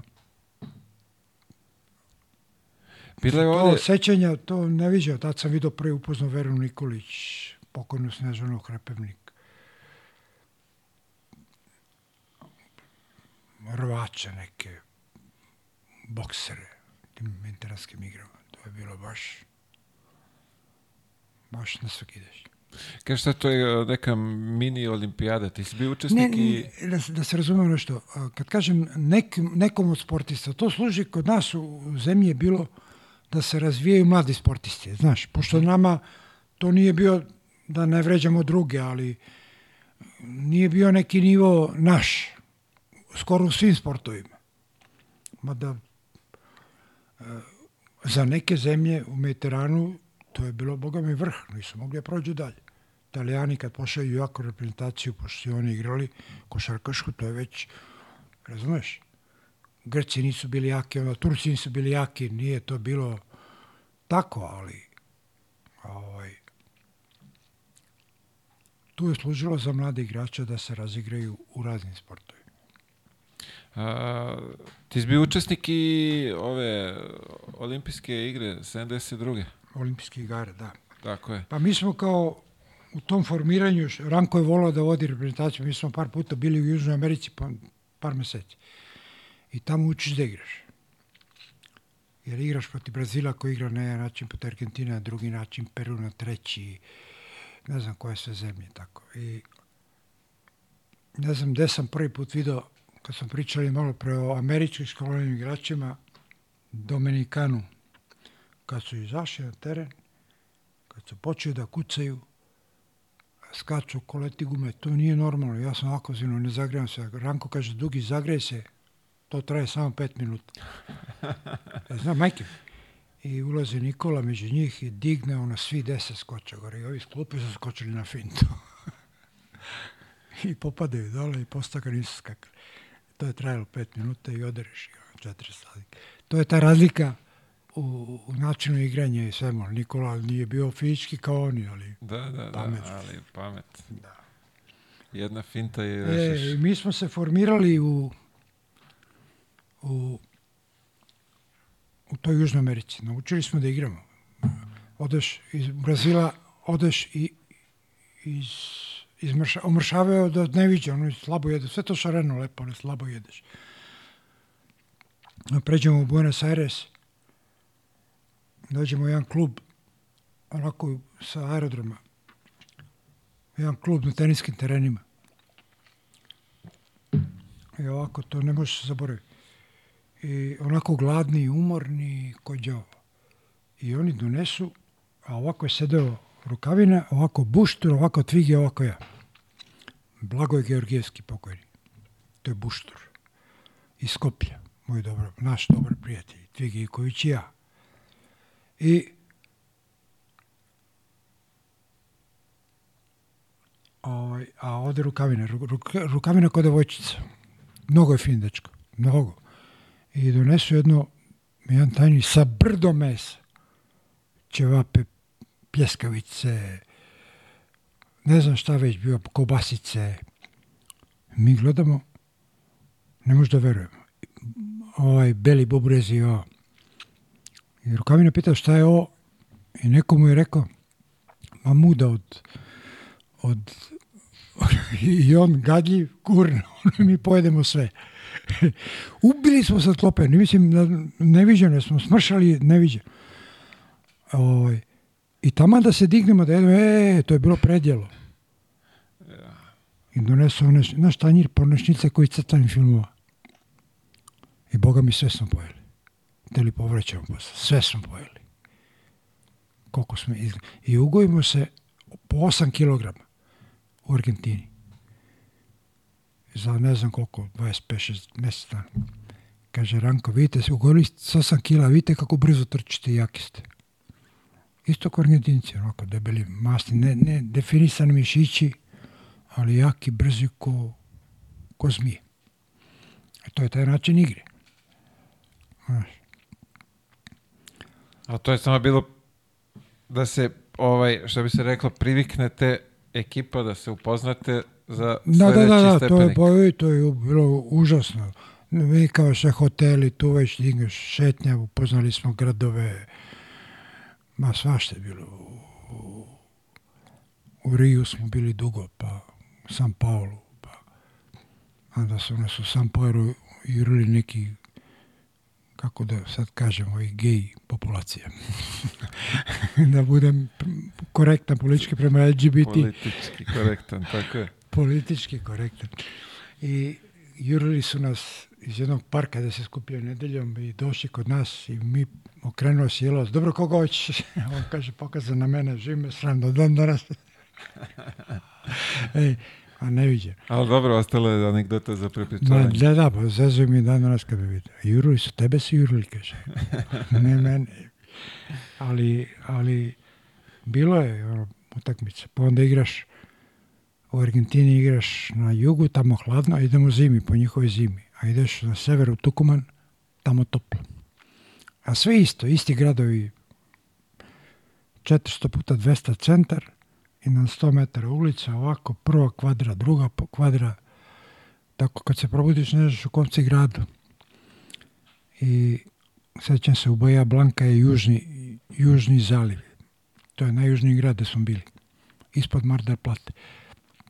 Ima dosta naših, dosta naših onih emigranata, što Ustaša, što, što ovih i drugih. E, znaš, oni se tamo druže, rade, žive, život je nemilosredan, to sve spoji. Ovaj, I mi igramo u jednoj hali koja ima one keramičke pločice protiv dole.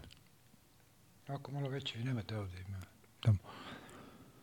I pošto je zima, uveče malo zahladilo, malo zahladilo i ovaj, one malo se orosilo i klizavo. A oni izađu ovaj, na teren ko svi Argentinci, a sad fazon je ne, ne, ne, nismo tu putovali autobusom, tu smo išli avionom. Zato što jedan put nismo išli, nismo mogli da idemo avionom, pa je predsjednik da bi pokazao nije mogao nađi avion, sa ženom i čerkom sedeo s nama neki bogati Lopez. Sedeo u autobusu 24 sata. Da pokaže da ne može da se ide, bude poštovanje prema nama. Kroz neko blato, neko joj jezivo. I ovaj, i izađemo mi tu prvu utakmicu i Ranko mislio da će pusti nas da igramo, klinci. Znaš, oni izađu u nekom šarenom sastavu, izađe jedan momak koga su pokupili u kafanu. Toga, to, te priče se sećam. Zove se Bonačezi. Talijansko poreklo. Lepoška, plav, malo stariji. Spustio čarape dole i gleda ovako ko majmunče. Visok, moga mi skoro ko ja. A je počeo utakmica, kad je počeo, a njega izvukli iz kafane. Kad je počeo da nas leši, jebate, da trči, da daje koševe. I oni nas dobiju malo krađu, dobiju jedan razlike. I sad tamo nije bilo, kako bio neki, neki njihov državni praznik, oni odmah zakažu revanš, pitaju Ranko, možemo sutra revanš da dovedu televiziju. Jer, znaš, i Ranko kaže, jao što nam je radio, kako vas nije sramota, on je vas bio. A stvarno, Argentinci vole da biju, ali su dobri jer čute kad, i, kad im vraćaš. To je, Ne bude se. ne, ne, ne, drugarski sve. Kad se završi tomica i sutra dan mi izlazimo, došla televizija lokalna, pa se to prenosilo ne znam gde, kakvi su bili sistemi odmah, da se vidi u Buenos Airesu i centru. I normalno Ranko napali, a ovaj iz kafane je otišao posle utakmice u kafanu, nije mogao da izađe drugi dan. Razumeš? Bona čest. Uglavnom, iza, oni izađu u tom sastavu, doveli još jednoga, neki, zvao se German, visoki centar. Argentinac, German bilo ime, da je igrao, ali Ranko napali Žareta i Vinka da ih biju. Ubili smo ih, ne znam koliko, 60 razlike i sad je problem što je ovo bilo na televiziji. ono od juče kad smo izgubili nije bilo. To je Loše su se predstavili svoje. loše. Ne, kako pričate da ste dobili kad ste izgubili na televiziji? E, tako. E, hoćemo To da to skočimo su- na... A ovaj, e, tako se formira tim za reprezentaciju. Aha. I onda je bilo, sad igramo 72. go- godine prvenstvo, ja sam igrao dobro, na granici reprezentacije. Nisam ja nikad bio noseći se, u Juneskoj jesam, ali ovo nisam. I pošteno da pre, napred, nikad se u reprezentaciji nisam uspio nametnem. Ja sam bio igrač koga je trebalo čekati i da je ostao Ranko, vjerojatno bi me sačekao. Nisam bio taj koji je bio toliko čvrst da može se nametne u reprezentaciji svoj autoritet, svoje... Nisam bio karakter, recimo, nekog Prada Lipigića, koji je umeo da se nametne, ali imao i pratnju Partizan i tvoje drugare, Kiću i Moku i sve to fenomenalno funkcionisalo. Ja sam došao među farm, formiran tim stariji i oni su držali sebe, svoje, svi fantastični igrači. Tako da nisam imao vremena da, nisam, nije mi, a možda i nisam bio kvalitet, pošteno ti kažem. Razumeš? Nisu oni protiv mene smeli da igraju kad igramo jedan protiv drugog. Ali, i onda dođe poslednje kolo ovaj, prve, prve te lige, 71. 72. Zvezda prvak. Mi igramo protiv lokomotive u Beogradu i dođe Ranko i kaže Dugi, ako nadigraš rukavinu, ideš u reprezentaciju. Znaš, šta znači to prvu utakmicu. A verovatno i to je njemu rekao. Znaš, u hali sportova imaš ovako slačionice. Da, da. Ovde i ovde. Verovatno to je njemu rekao. I krene utakmica. Znam, piva se vratio iz Amerike, dono neke dresove koji grebu crveni sa crnim ovako do ovde rukavi. Mi se obukli, to je jedini put da smo igrali njima. I krenemo. Lokomotiva malo stariji, počeli nešto se dokazuju, rukavina se vezao, valjda je to njemu bio vezivanje, mene kraj, još sam ušao dva puta u, među pet njih i prikucao i sad čekam Ranka. Nadigrao sam rukavinu, a rukavina je prijatelj. Ne znam da da se vraćamo na ono kad je ustao sa stola da ne jede jer je Laza Lečić teo da kazni nas. Mm, pričali smo o tom iz juniorske reprezentacije. Hrabrost. Ne znam da li ja tako. Krali smo neke lubenice i onda diplomatski skandal u Atini na evropskom. Došao ambasador, šta ste krali lubenice, veliki kova šolja. Nismo ni, ni otvorili ni jednu, jednu smo otvorili. I uvati nas policija u, u okviru kampa gde smo mi bili zatvoreno. Sve nismo... I sutra dan ujutro na doručku Laze kaže, vaši prijatelji nabroja mene, Srećka, Gogeta, ne mogu doručkuju s nama jer ili ne možemo da ručamo, više sam zaboravio. Jer su napravili eksces i rukavina ustane i kaže, e, ako ne mogu, oni ne mogu nija. Neću nija. I svi ustanu. E, Laza dobio tim, otora ambasador. dobio tim, napravio tim, Da, napravio da. hemiju. Da, da. Evo, suze mi. Neverovatno. I sad, ti protiv takvog igrača treba da igraš, protiv Rukavine treba da igraš. Fantastičan igrač. Fenomenalno. Samo igra malo bliže koša od mene, ne trči tako, znaš, drugačije. Fenomenalan igrač. Čovek, gromad.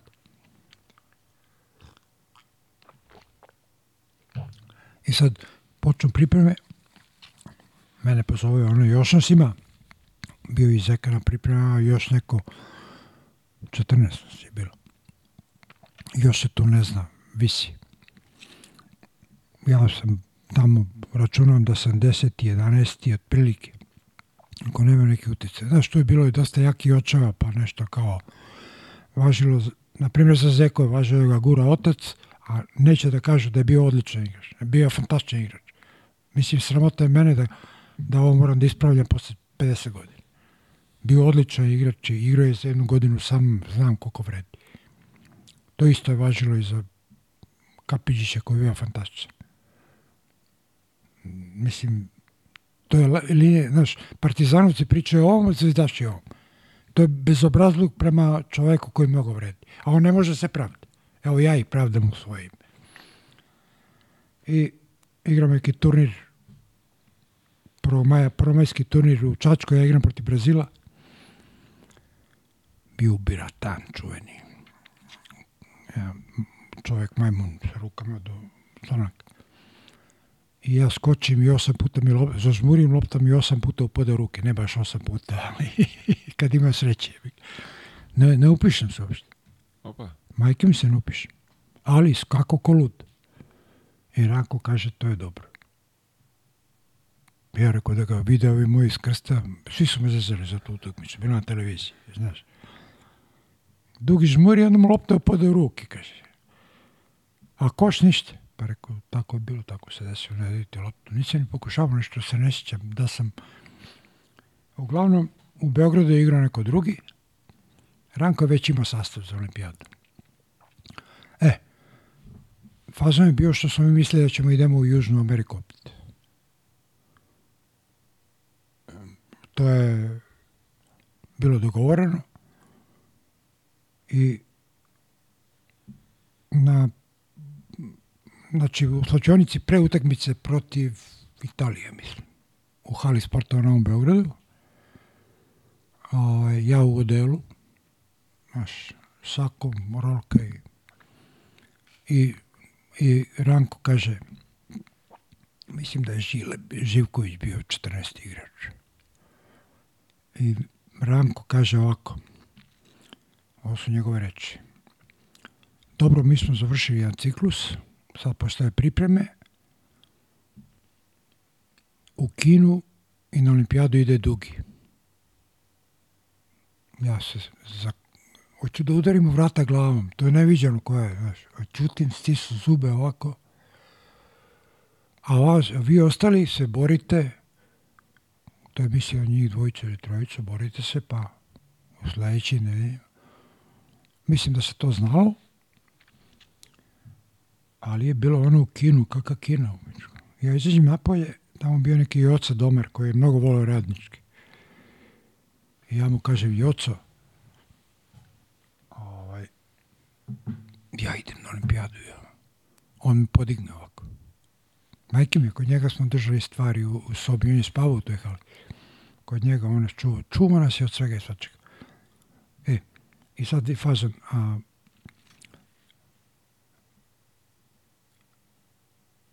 Znate Borišića, predsjednika Evropske odbojkaške federacije. On je moj drug, prijatelj već 200 godina. On i ja smo igrali loto. Zajedno. I to onaj kad se prepisuje na listićima starim. Nemaš ovo kopiranje po mašina pa to čita. Nego svaki put si morao svaki list da prepisuješ. I on je našao neke skraćene sisteme i to je popunjavao, nije ga mrzelo, on je jako srbio čovjek i temeljan kad se nečeg uvati. I nadam se neće se naljuti što sam ovo rekao, ali to je činjenica. I igrali smo neke skraćene sisteme i on je išao na, na izvlačenje brojeva to je na, na uglu Nušićeva i blizu Nušićeve i, i tunela. Ne, to je Nušićeva i Dečanske, ona Moše Pijade rekao. Znači, na uglu one zgradi Lutrije je bio jedan, sad je još uvijek je neka ekspozitura Lutrija, ali to je bilo malo, malo veće prošireno, tu sediš i izvlače brojeve onako starinski, rukom iz, i svako je mogao da proveri brojeve. I ja sam bio jedan na to izvlačenju, to je urnebes od izvlačenja, jer se tu više, tu, se, tu su se kockali ljudi u par nepar sa ogromnim što, što sam para. Po 5000 maraka, dolara, ne znam. Čovjek izlazi zelen, kaže, debakl ne para. Znači, od, deset brojeva izaš i se Bora to pazio i, i sad ja idem i oca, ja se izgrlio, ja sad ne smijem da uđem u halu, tresem se, mora da kažem mojima. I imaš tamo, ako, be, si bio u hali na Umberu? Kako nisam? Pa jesi bio si. Imaš tamo, pa, se, pa ideš malo kao rampica, penje se ovako.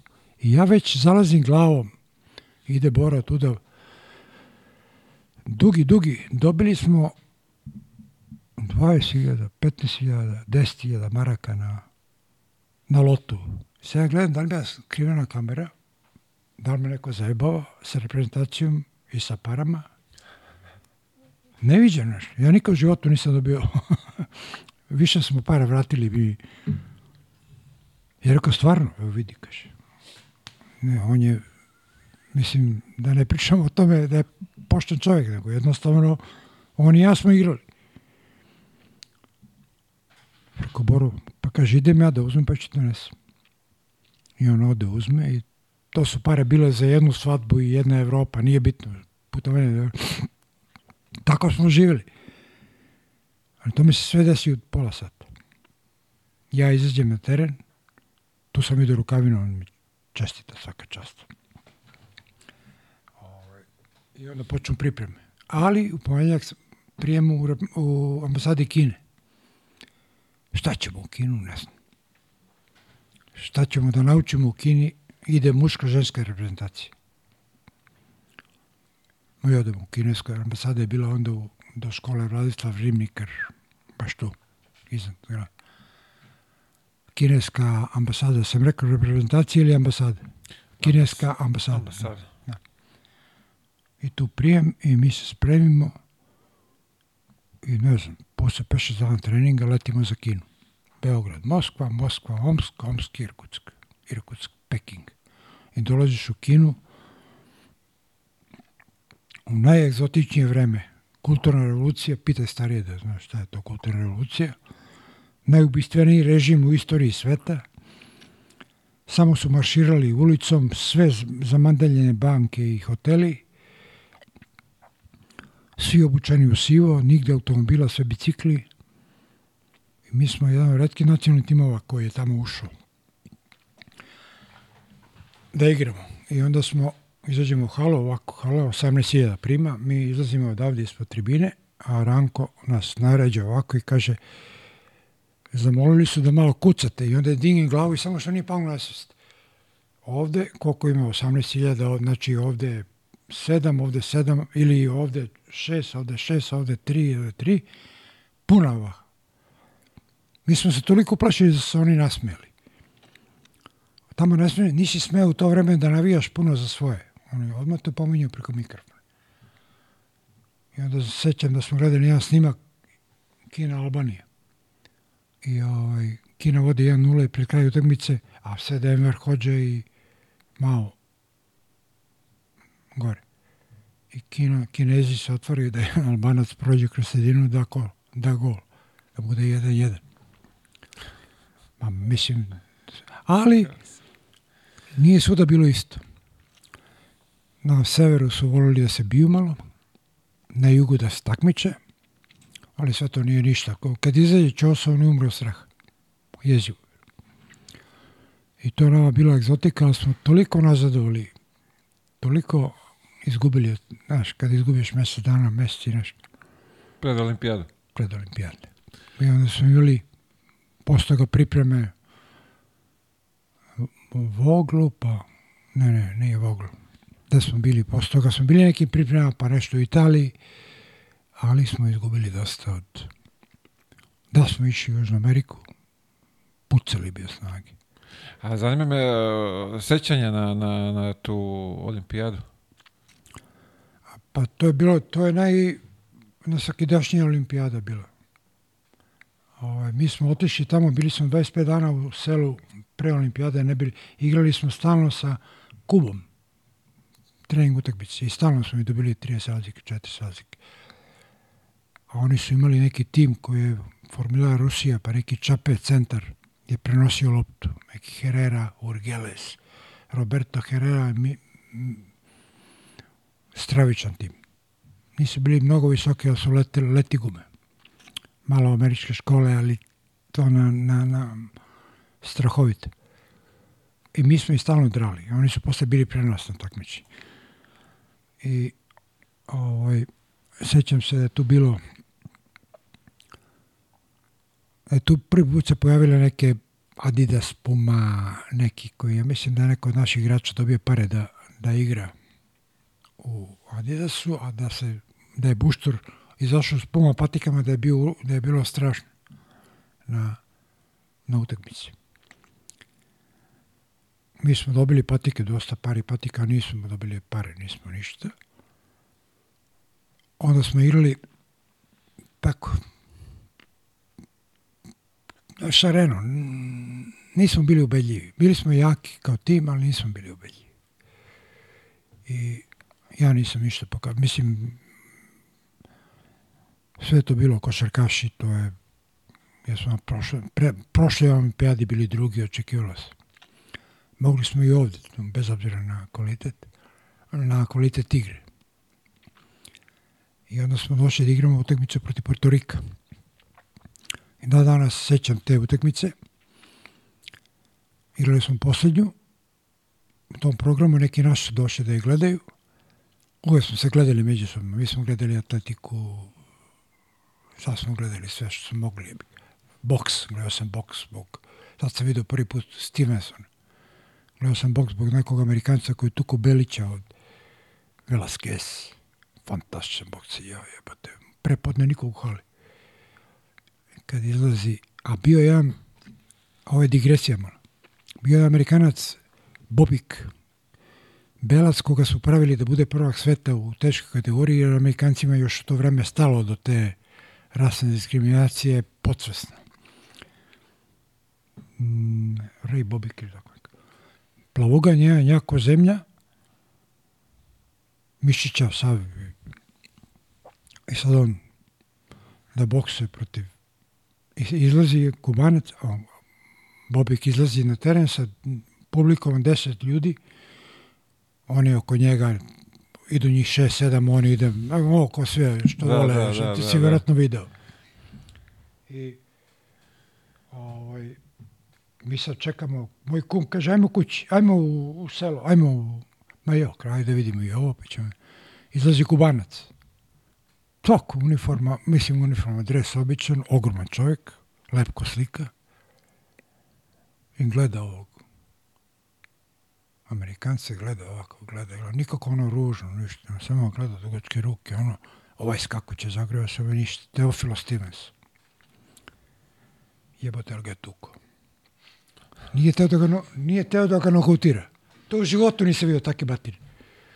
Ej, nije teo da ga nokautira. On ga je udarao, Pa taman ga nanišan i onda pjuc i sutradan ovaj, izađe, ovaj iz meča izađe sa ovako naočarima.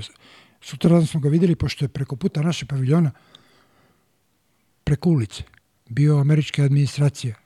On dolazi sa naočarima ovolikim. Ne vidi naočar.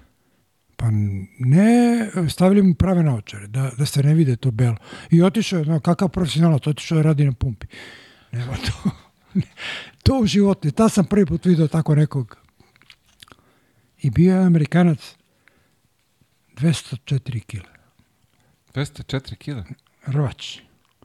I sve je ovako uvati i tuče dok nije došao jedan istočni Nemac i uđe mu u noge, podigne ga, kako je podigao 200 kila, nije mi jasno, kad je ovaj pao jebote, odmah kraj, nije bilo Gotovo. nije. Ćao, zdravo.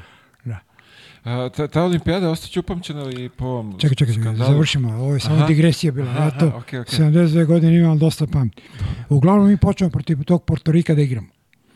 I mi vodimo prvo vreme 10 razlike, 60, bilo je e, 68, 58 za nas. Kad su ovi naši otišli da večeri, da se zatvori onaj restoran koji je blizu, ima jedan koji radi celu noć, klopa bila fantastična, smeštaj je bio fenomenal, to je jedan sistem sa automobilima ispod grada, u Minhenu to je pravljeno kao budućnost, neki habitat u, u budućnosti.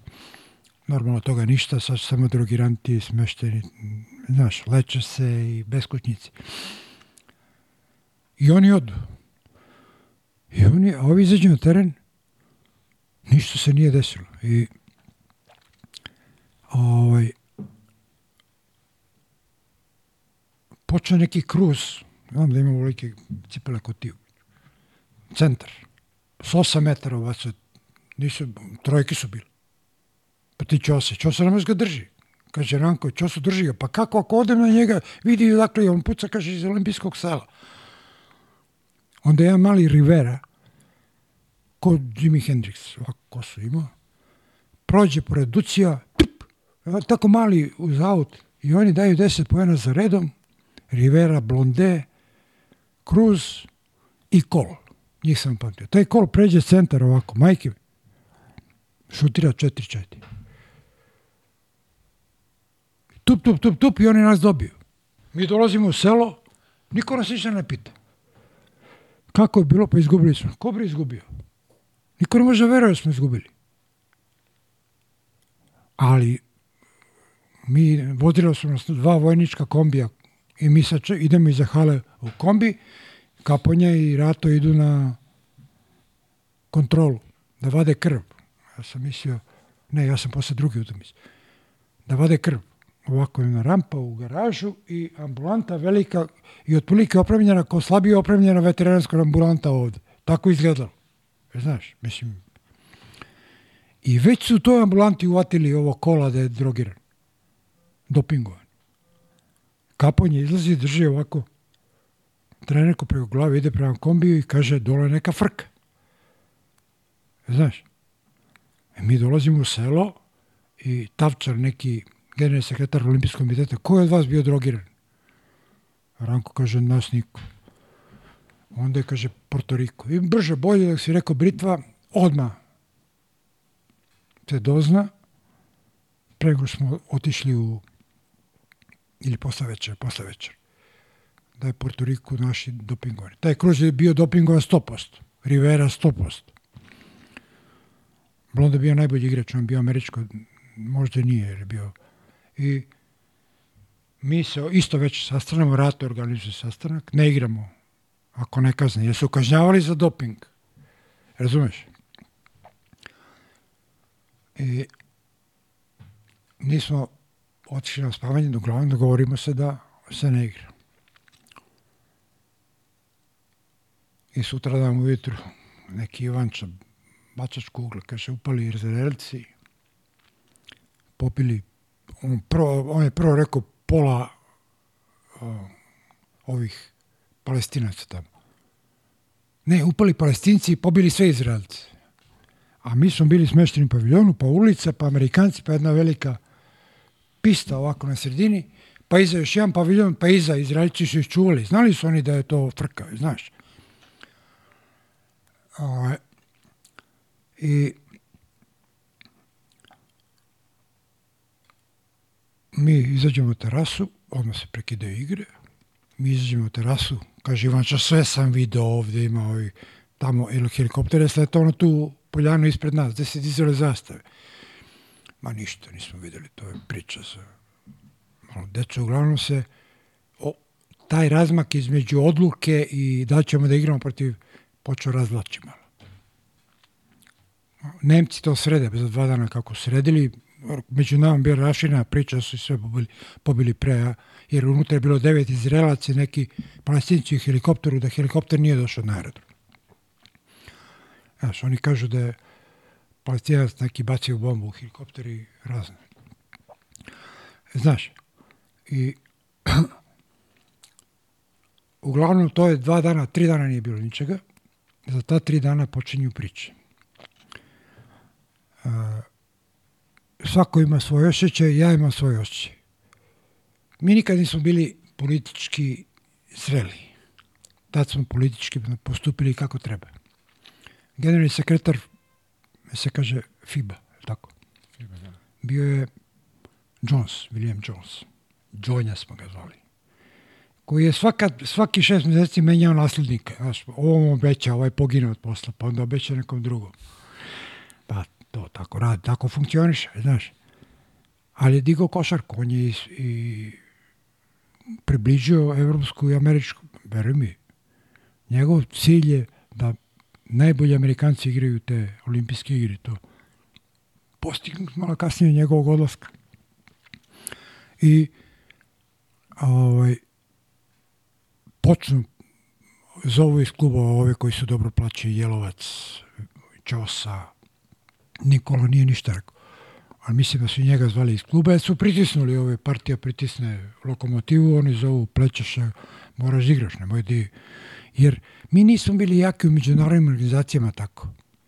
Imali smo strašno dobar tim, možda bi mogao da bude bolji ili smo mogli bolje da igramo, ali smo bili već zasegli u, u neku ko,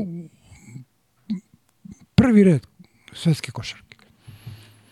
I Ranko je rekao, morate da igrate, pa pustite vi to, nama je u glavu, ajte pobedite Rus, a Rusa ne može da pobediš.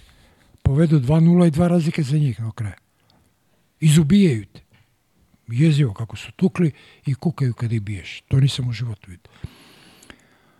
Igro i, i, i Andrejev, i Žar Mohamedov, i Voljnov, i ma puno, sve tako.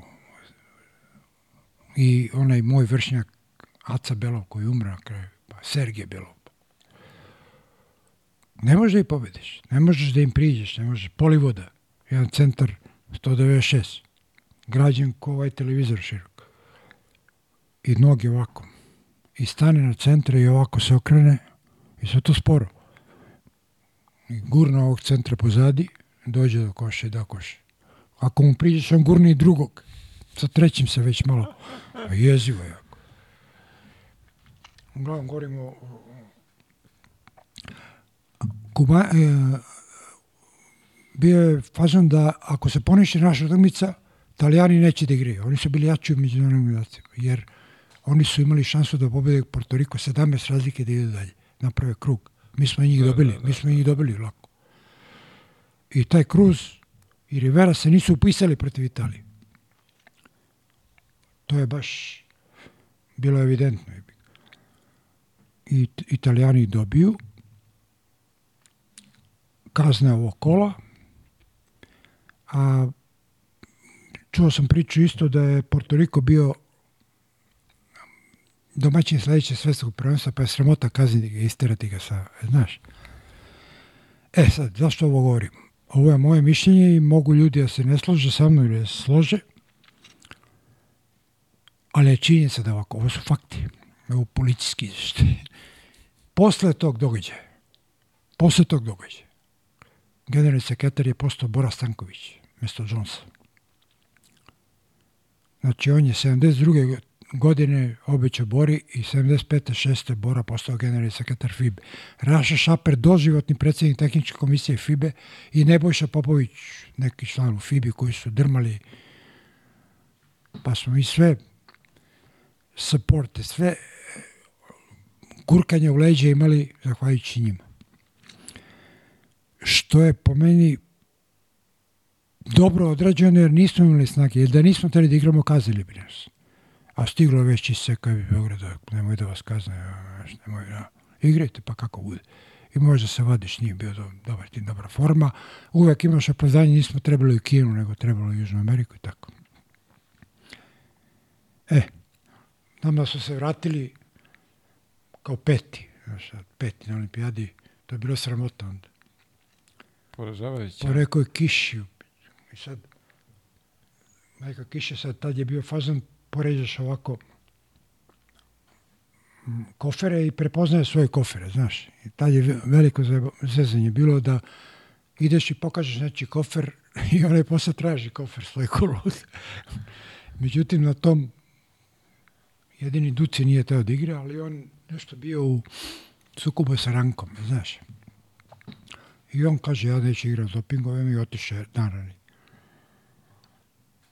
Ovaj, I mi u redu pokazujemo svoje prtljage i ostaje jedna torba, piše Mohamed. O, palestinci, ovo Mohamed.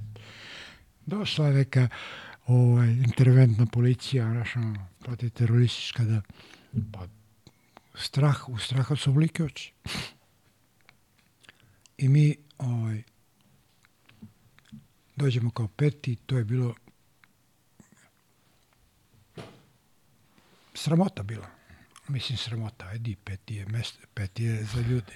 Dobro, ali tako, tako se doživjelo, verovatno prethodne godine je bio Da, bolji da, da, rezultat, da, da. mislim prethodne igre, pa je sad, pored svega toga što se izdogađalo, da... Da, da, da. I onda, što tiče moje reprezentacije, ja sam još sledeće leto išao u Južnu Ameriku. Odigrao sam fenomenalno to prvenstvo sledeće kad smo bili prvaci. Ovaj, ja sam dosta napredovao tim pripremama, koje, kakve god da su. Znaš, došao je malo jačo i... I onda je Mirko, čuo sam da nije teo da me vodi, pa da me vodi, kako smiješ da ga ne vodiš kad igra strašno. E, ja sam otišao mm, u turneju, nije me puštao da igram. Pustio me u, u, u, Riju na, već u Riju, sam Paulo, prvi turnir gdje sam dobro igrao. U Riju, Riju. I onda počelo sedenje na klupi, ja vidim, čak sam jedan put izašao s utakmice, pa su me pomenuli. Izašao s utakmice pre kraja. Vidim da neće da igram i ovaj, tu su mi ovi iz Jugoplastike, bio sam sa Jerkovom u sobi, on me kao bario da idem u Jugoplastiku, da pređem, pa rekao, ja ne me sramota, kažem da treba pare jebi. Ali um, nešto sam igrao, nešto nisam, onda sam se razbolao jedan put kad smo išli u Braziliju. Brazilija je glavni grad Argentina, Brazila. Temperatura 40, celu noć je presedeo Teo Bratanić, doktor, pored mene. I sutra dan padne temperatura, ja prošetao. Ne, iz Brazilije smo išli u Gujaniju, to je jedan uni- univerzitetski grad pored Brazilije. Ja prošetam i fino se osjećam lagan, znači predmojio se ništa. Bilo, i, Mirko me pusti da igram tako. Samo što nisam pao. Tek na kraju turneje rekao, ovaj, na, na pripreme neće doći gospod Netić koji je tamo išao zbog toga što je Zagreba i što ga je Ča- Ćale čekao, vjerojatno. Ćale mu bio kapetan broda nekog. ja. Nije bio neki reprezentaciju, vjerojatno ni ja je bio, da kaže. Ali on tek, njega nismo, zvali smo ga krava. Uglavnom, neće da dođu Rajko i Dugi. I svi su me pogledali, Moka. A vidjelo se da me ovaj zeze, hoću da ispričam. Vidjelo se da, ovo, da me ovaj zeze i ovaj, nekoliko utakmica ne igramo, ne igram, pa onda puno utakmica. I sad u Peru neki fe, festival košake igramo protiv Perua baš. Oni, mi plavi, oni beli. I počne utakmica, ne znam ko je počeo od nas. I sad Mirko kaže, Prajo, ajde. Prajo dolazi skida dres, on beo. I ide prema sudiji, hoće da uđe, traži da izađe, ne znam ko. Sudija kaže, za koju ekipu igraš? Kaže. I ovaj, Praja se ovako okrene po zeleni, onda ja uđem. I ja nešto malo sam čeprkao, nisam loše odigrao, ali sam odmah se vratio šoma, nema veze. Moka kaže, ja sam svoju radio, ti vidi. Pitao ga pravi, u kakvim dresovima igramo u belim? to, I ovaj, kao da mi pomogne. Uglavnom,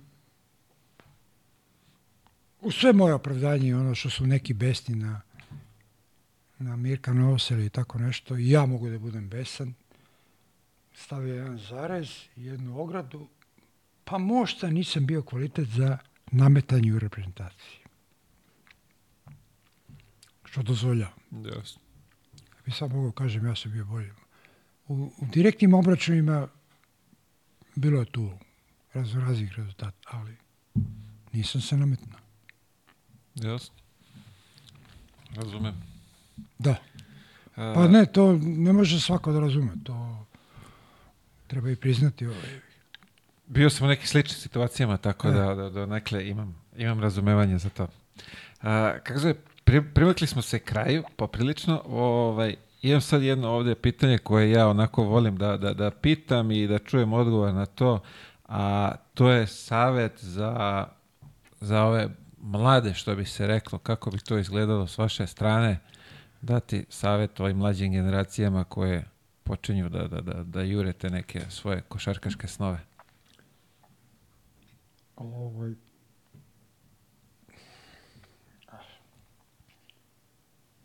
Kad vreme je drugačije.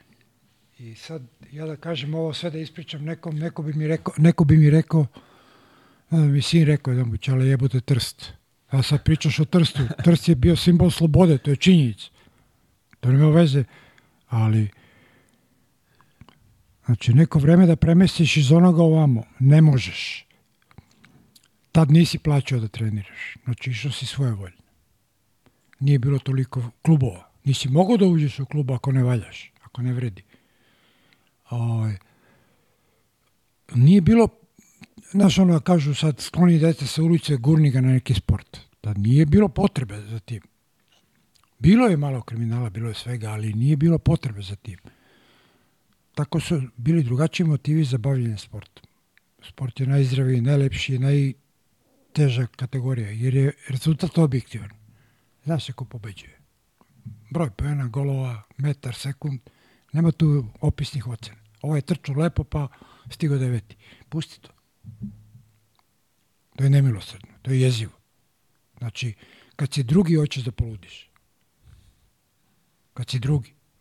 Ja znam da sam se posvađao sa ovaj, nisam se posvađao, toliko sam povredio jednog dečka koji je oženio Višacki, ovaj generalni sekretar Olimpijskog komiteta. Mnogo dobar dečko, vaspitan, obrazovan.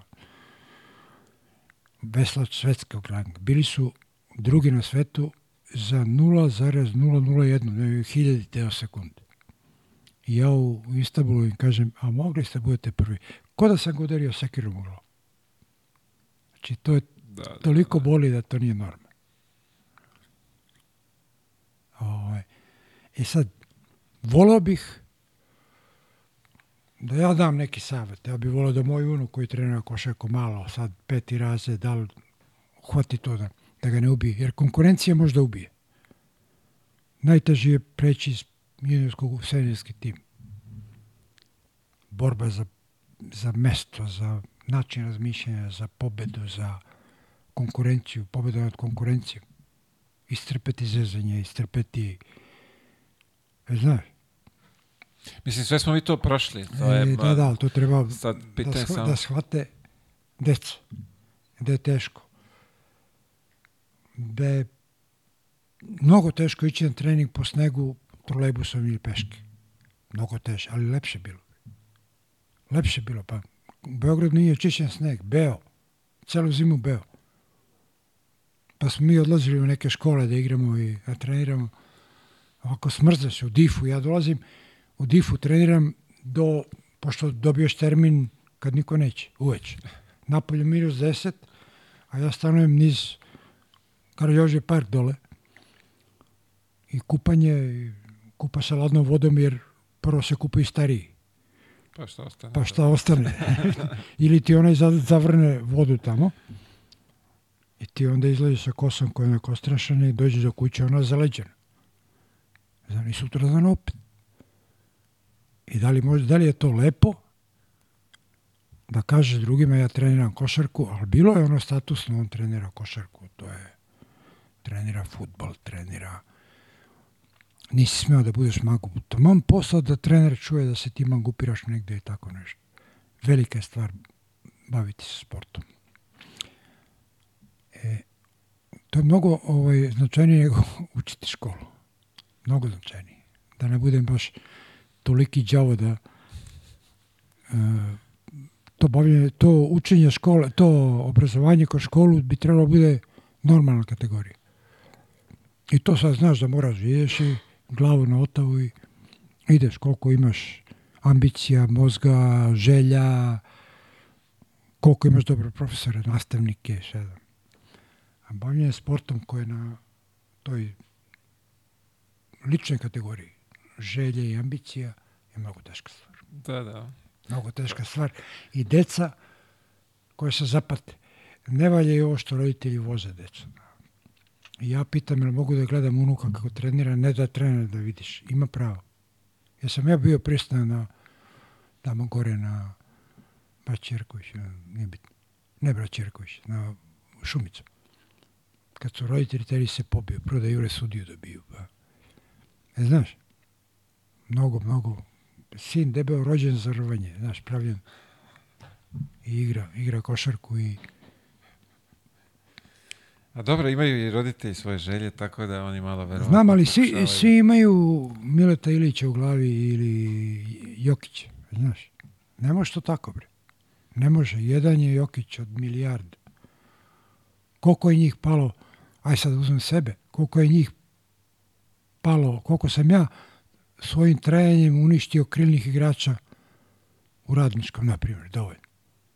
Da ne kažem šire reprezentacije. Da, da, da. gurneš ih u drugi plan i tako. Koliko je Srećko playmakera gurnuo? Jednostavno ne da na sebe, je dobar. To Apsolutno. treba istrpeti. Želimo im ovaj upornost. Ne, Pa neka. strašno velika stvar i to bi roditelji tako trebali da nastupe. Strašno velika stvar da se bave sportom. To ovako prilično trivialno deluje baviti se sportom. Da ga upražnjavaju i da učestvuju. Da steknu snagu, da steknu snagu da gube, da se ne dignu kad pobede. Da, da. da budu svoji na svom i da budu svesni onoga što mogu da postignu. Kad to postigneš, ti si u, ti si u životu postigao.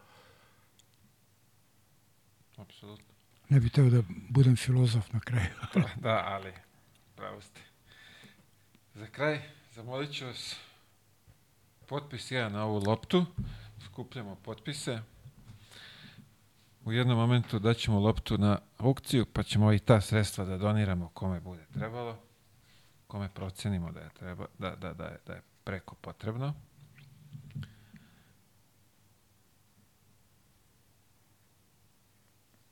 Evo, ga. Evo, ovako se potpišem na loptu koju ima u radničkom. 73. još uvijek stoji. I dalje Evo, stoji. ovako, na M. Damjanović Duki. Divno, loptu ćemo vratiti ovamo. Evo ovdje imamo za vas jedan mali poklon od sponzora, tako da Hvala. Uh, bit će od koristi. pa mi koji se brijemo može koristiti. Tako je. E, veliko hvala na izvojenom vremenu, na ovim lepim pričama, anegdotama. Nadam se da, da nije bilo Da, ja se zamorno. nadam, jeste malo, Jeste. ali nešto je najgore, što meni sad jedan put, joj, trebao sam da kažem ovo, trebao sam da kažem ovo, to nije A to, to, to su neke stvari koje tek kroz razgovor krenu da... Ne, ne, ali sada mi, sada da mi se- padaju na pamet i rekao, zašto nisam rekao, kad sam mogu da kažem, Pa rekao, pusti sad. A ja dobro, baš zdravlje. Ja sam matar da čovjek, ja sam matar čovjek, ovaj, dozvoljeno mi da bude malo i dementan. A, tamo, posla, nemojte tako. A, pre svega, još jednom veliko hvala. Želim svako dobro. Hvala i vama na mogućnosti da se malo ispričam, da malo Pa da, bilo je. Mogu ti Ovaj, reći, nadam se da je vama iskreno- pre svega Iskreno, ja sam ovaj, baš, što bi se reklo, uživo u priči, jer E, ja se taj nadam neki da je period vama... ne da. pamtim, pa, pa, pa volim da, ovaj, da, da čujem kako je to bilo. Ovaj, Pa mi malo tu ime hiperbole, znaš, godine čine da ti to malo preteruješ u lepoti tog perioda, ali jeste bio lepši nego danas. Bar je bio mirniji i slobodniji. Pa ja sam odrastao u 90-im, tako da verujem da je sigurno bio... Najgore godine, ovaj, najgore godine. Moja deca, su, moja deca su odrasla. Moje dete je jedno 79, drugo 86. Dobro su ispali, fantastično ispali, zahvaljujući nemoj, i ovo snima. Snimamo, snimamo sve i dalje smo... u- Zahvaljujući pre svega moje ženi su ispali fenomenalni, fantastični. Jako su pametni, tu ja malo kažem možda i na mene, ali sami su izborili kroz najgore moguće vreme koje je postojalo. Inače, za kraj, ja sam, ne mrdajući sto, iz stolice, prošao kroz osam država. DFJ, FNRJ, SFRJ, Jugoslavija, Jugoslavija i Crna Gora, Jugoslavija, zajednica Srbije i Crne Gore i Srbije. Novi Big Hybrid Flex savršeno brije. I da, oštrice mogu da mu se zamene. Šta se neće nas ovdje, ko zna šta. Da, mi se ovde, čeka, ovde šta može se dogoditi, to Da. Vidjet ću. Bože zdravlje, pa ćemo vidjeti šta nas čeka. Da, A, da. Dragi prijatelji, bio je još jedan Java Mile podcast. Hvala vam na izvojenom vremenu, a mi se vidimo već sledeće sreda.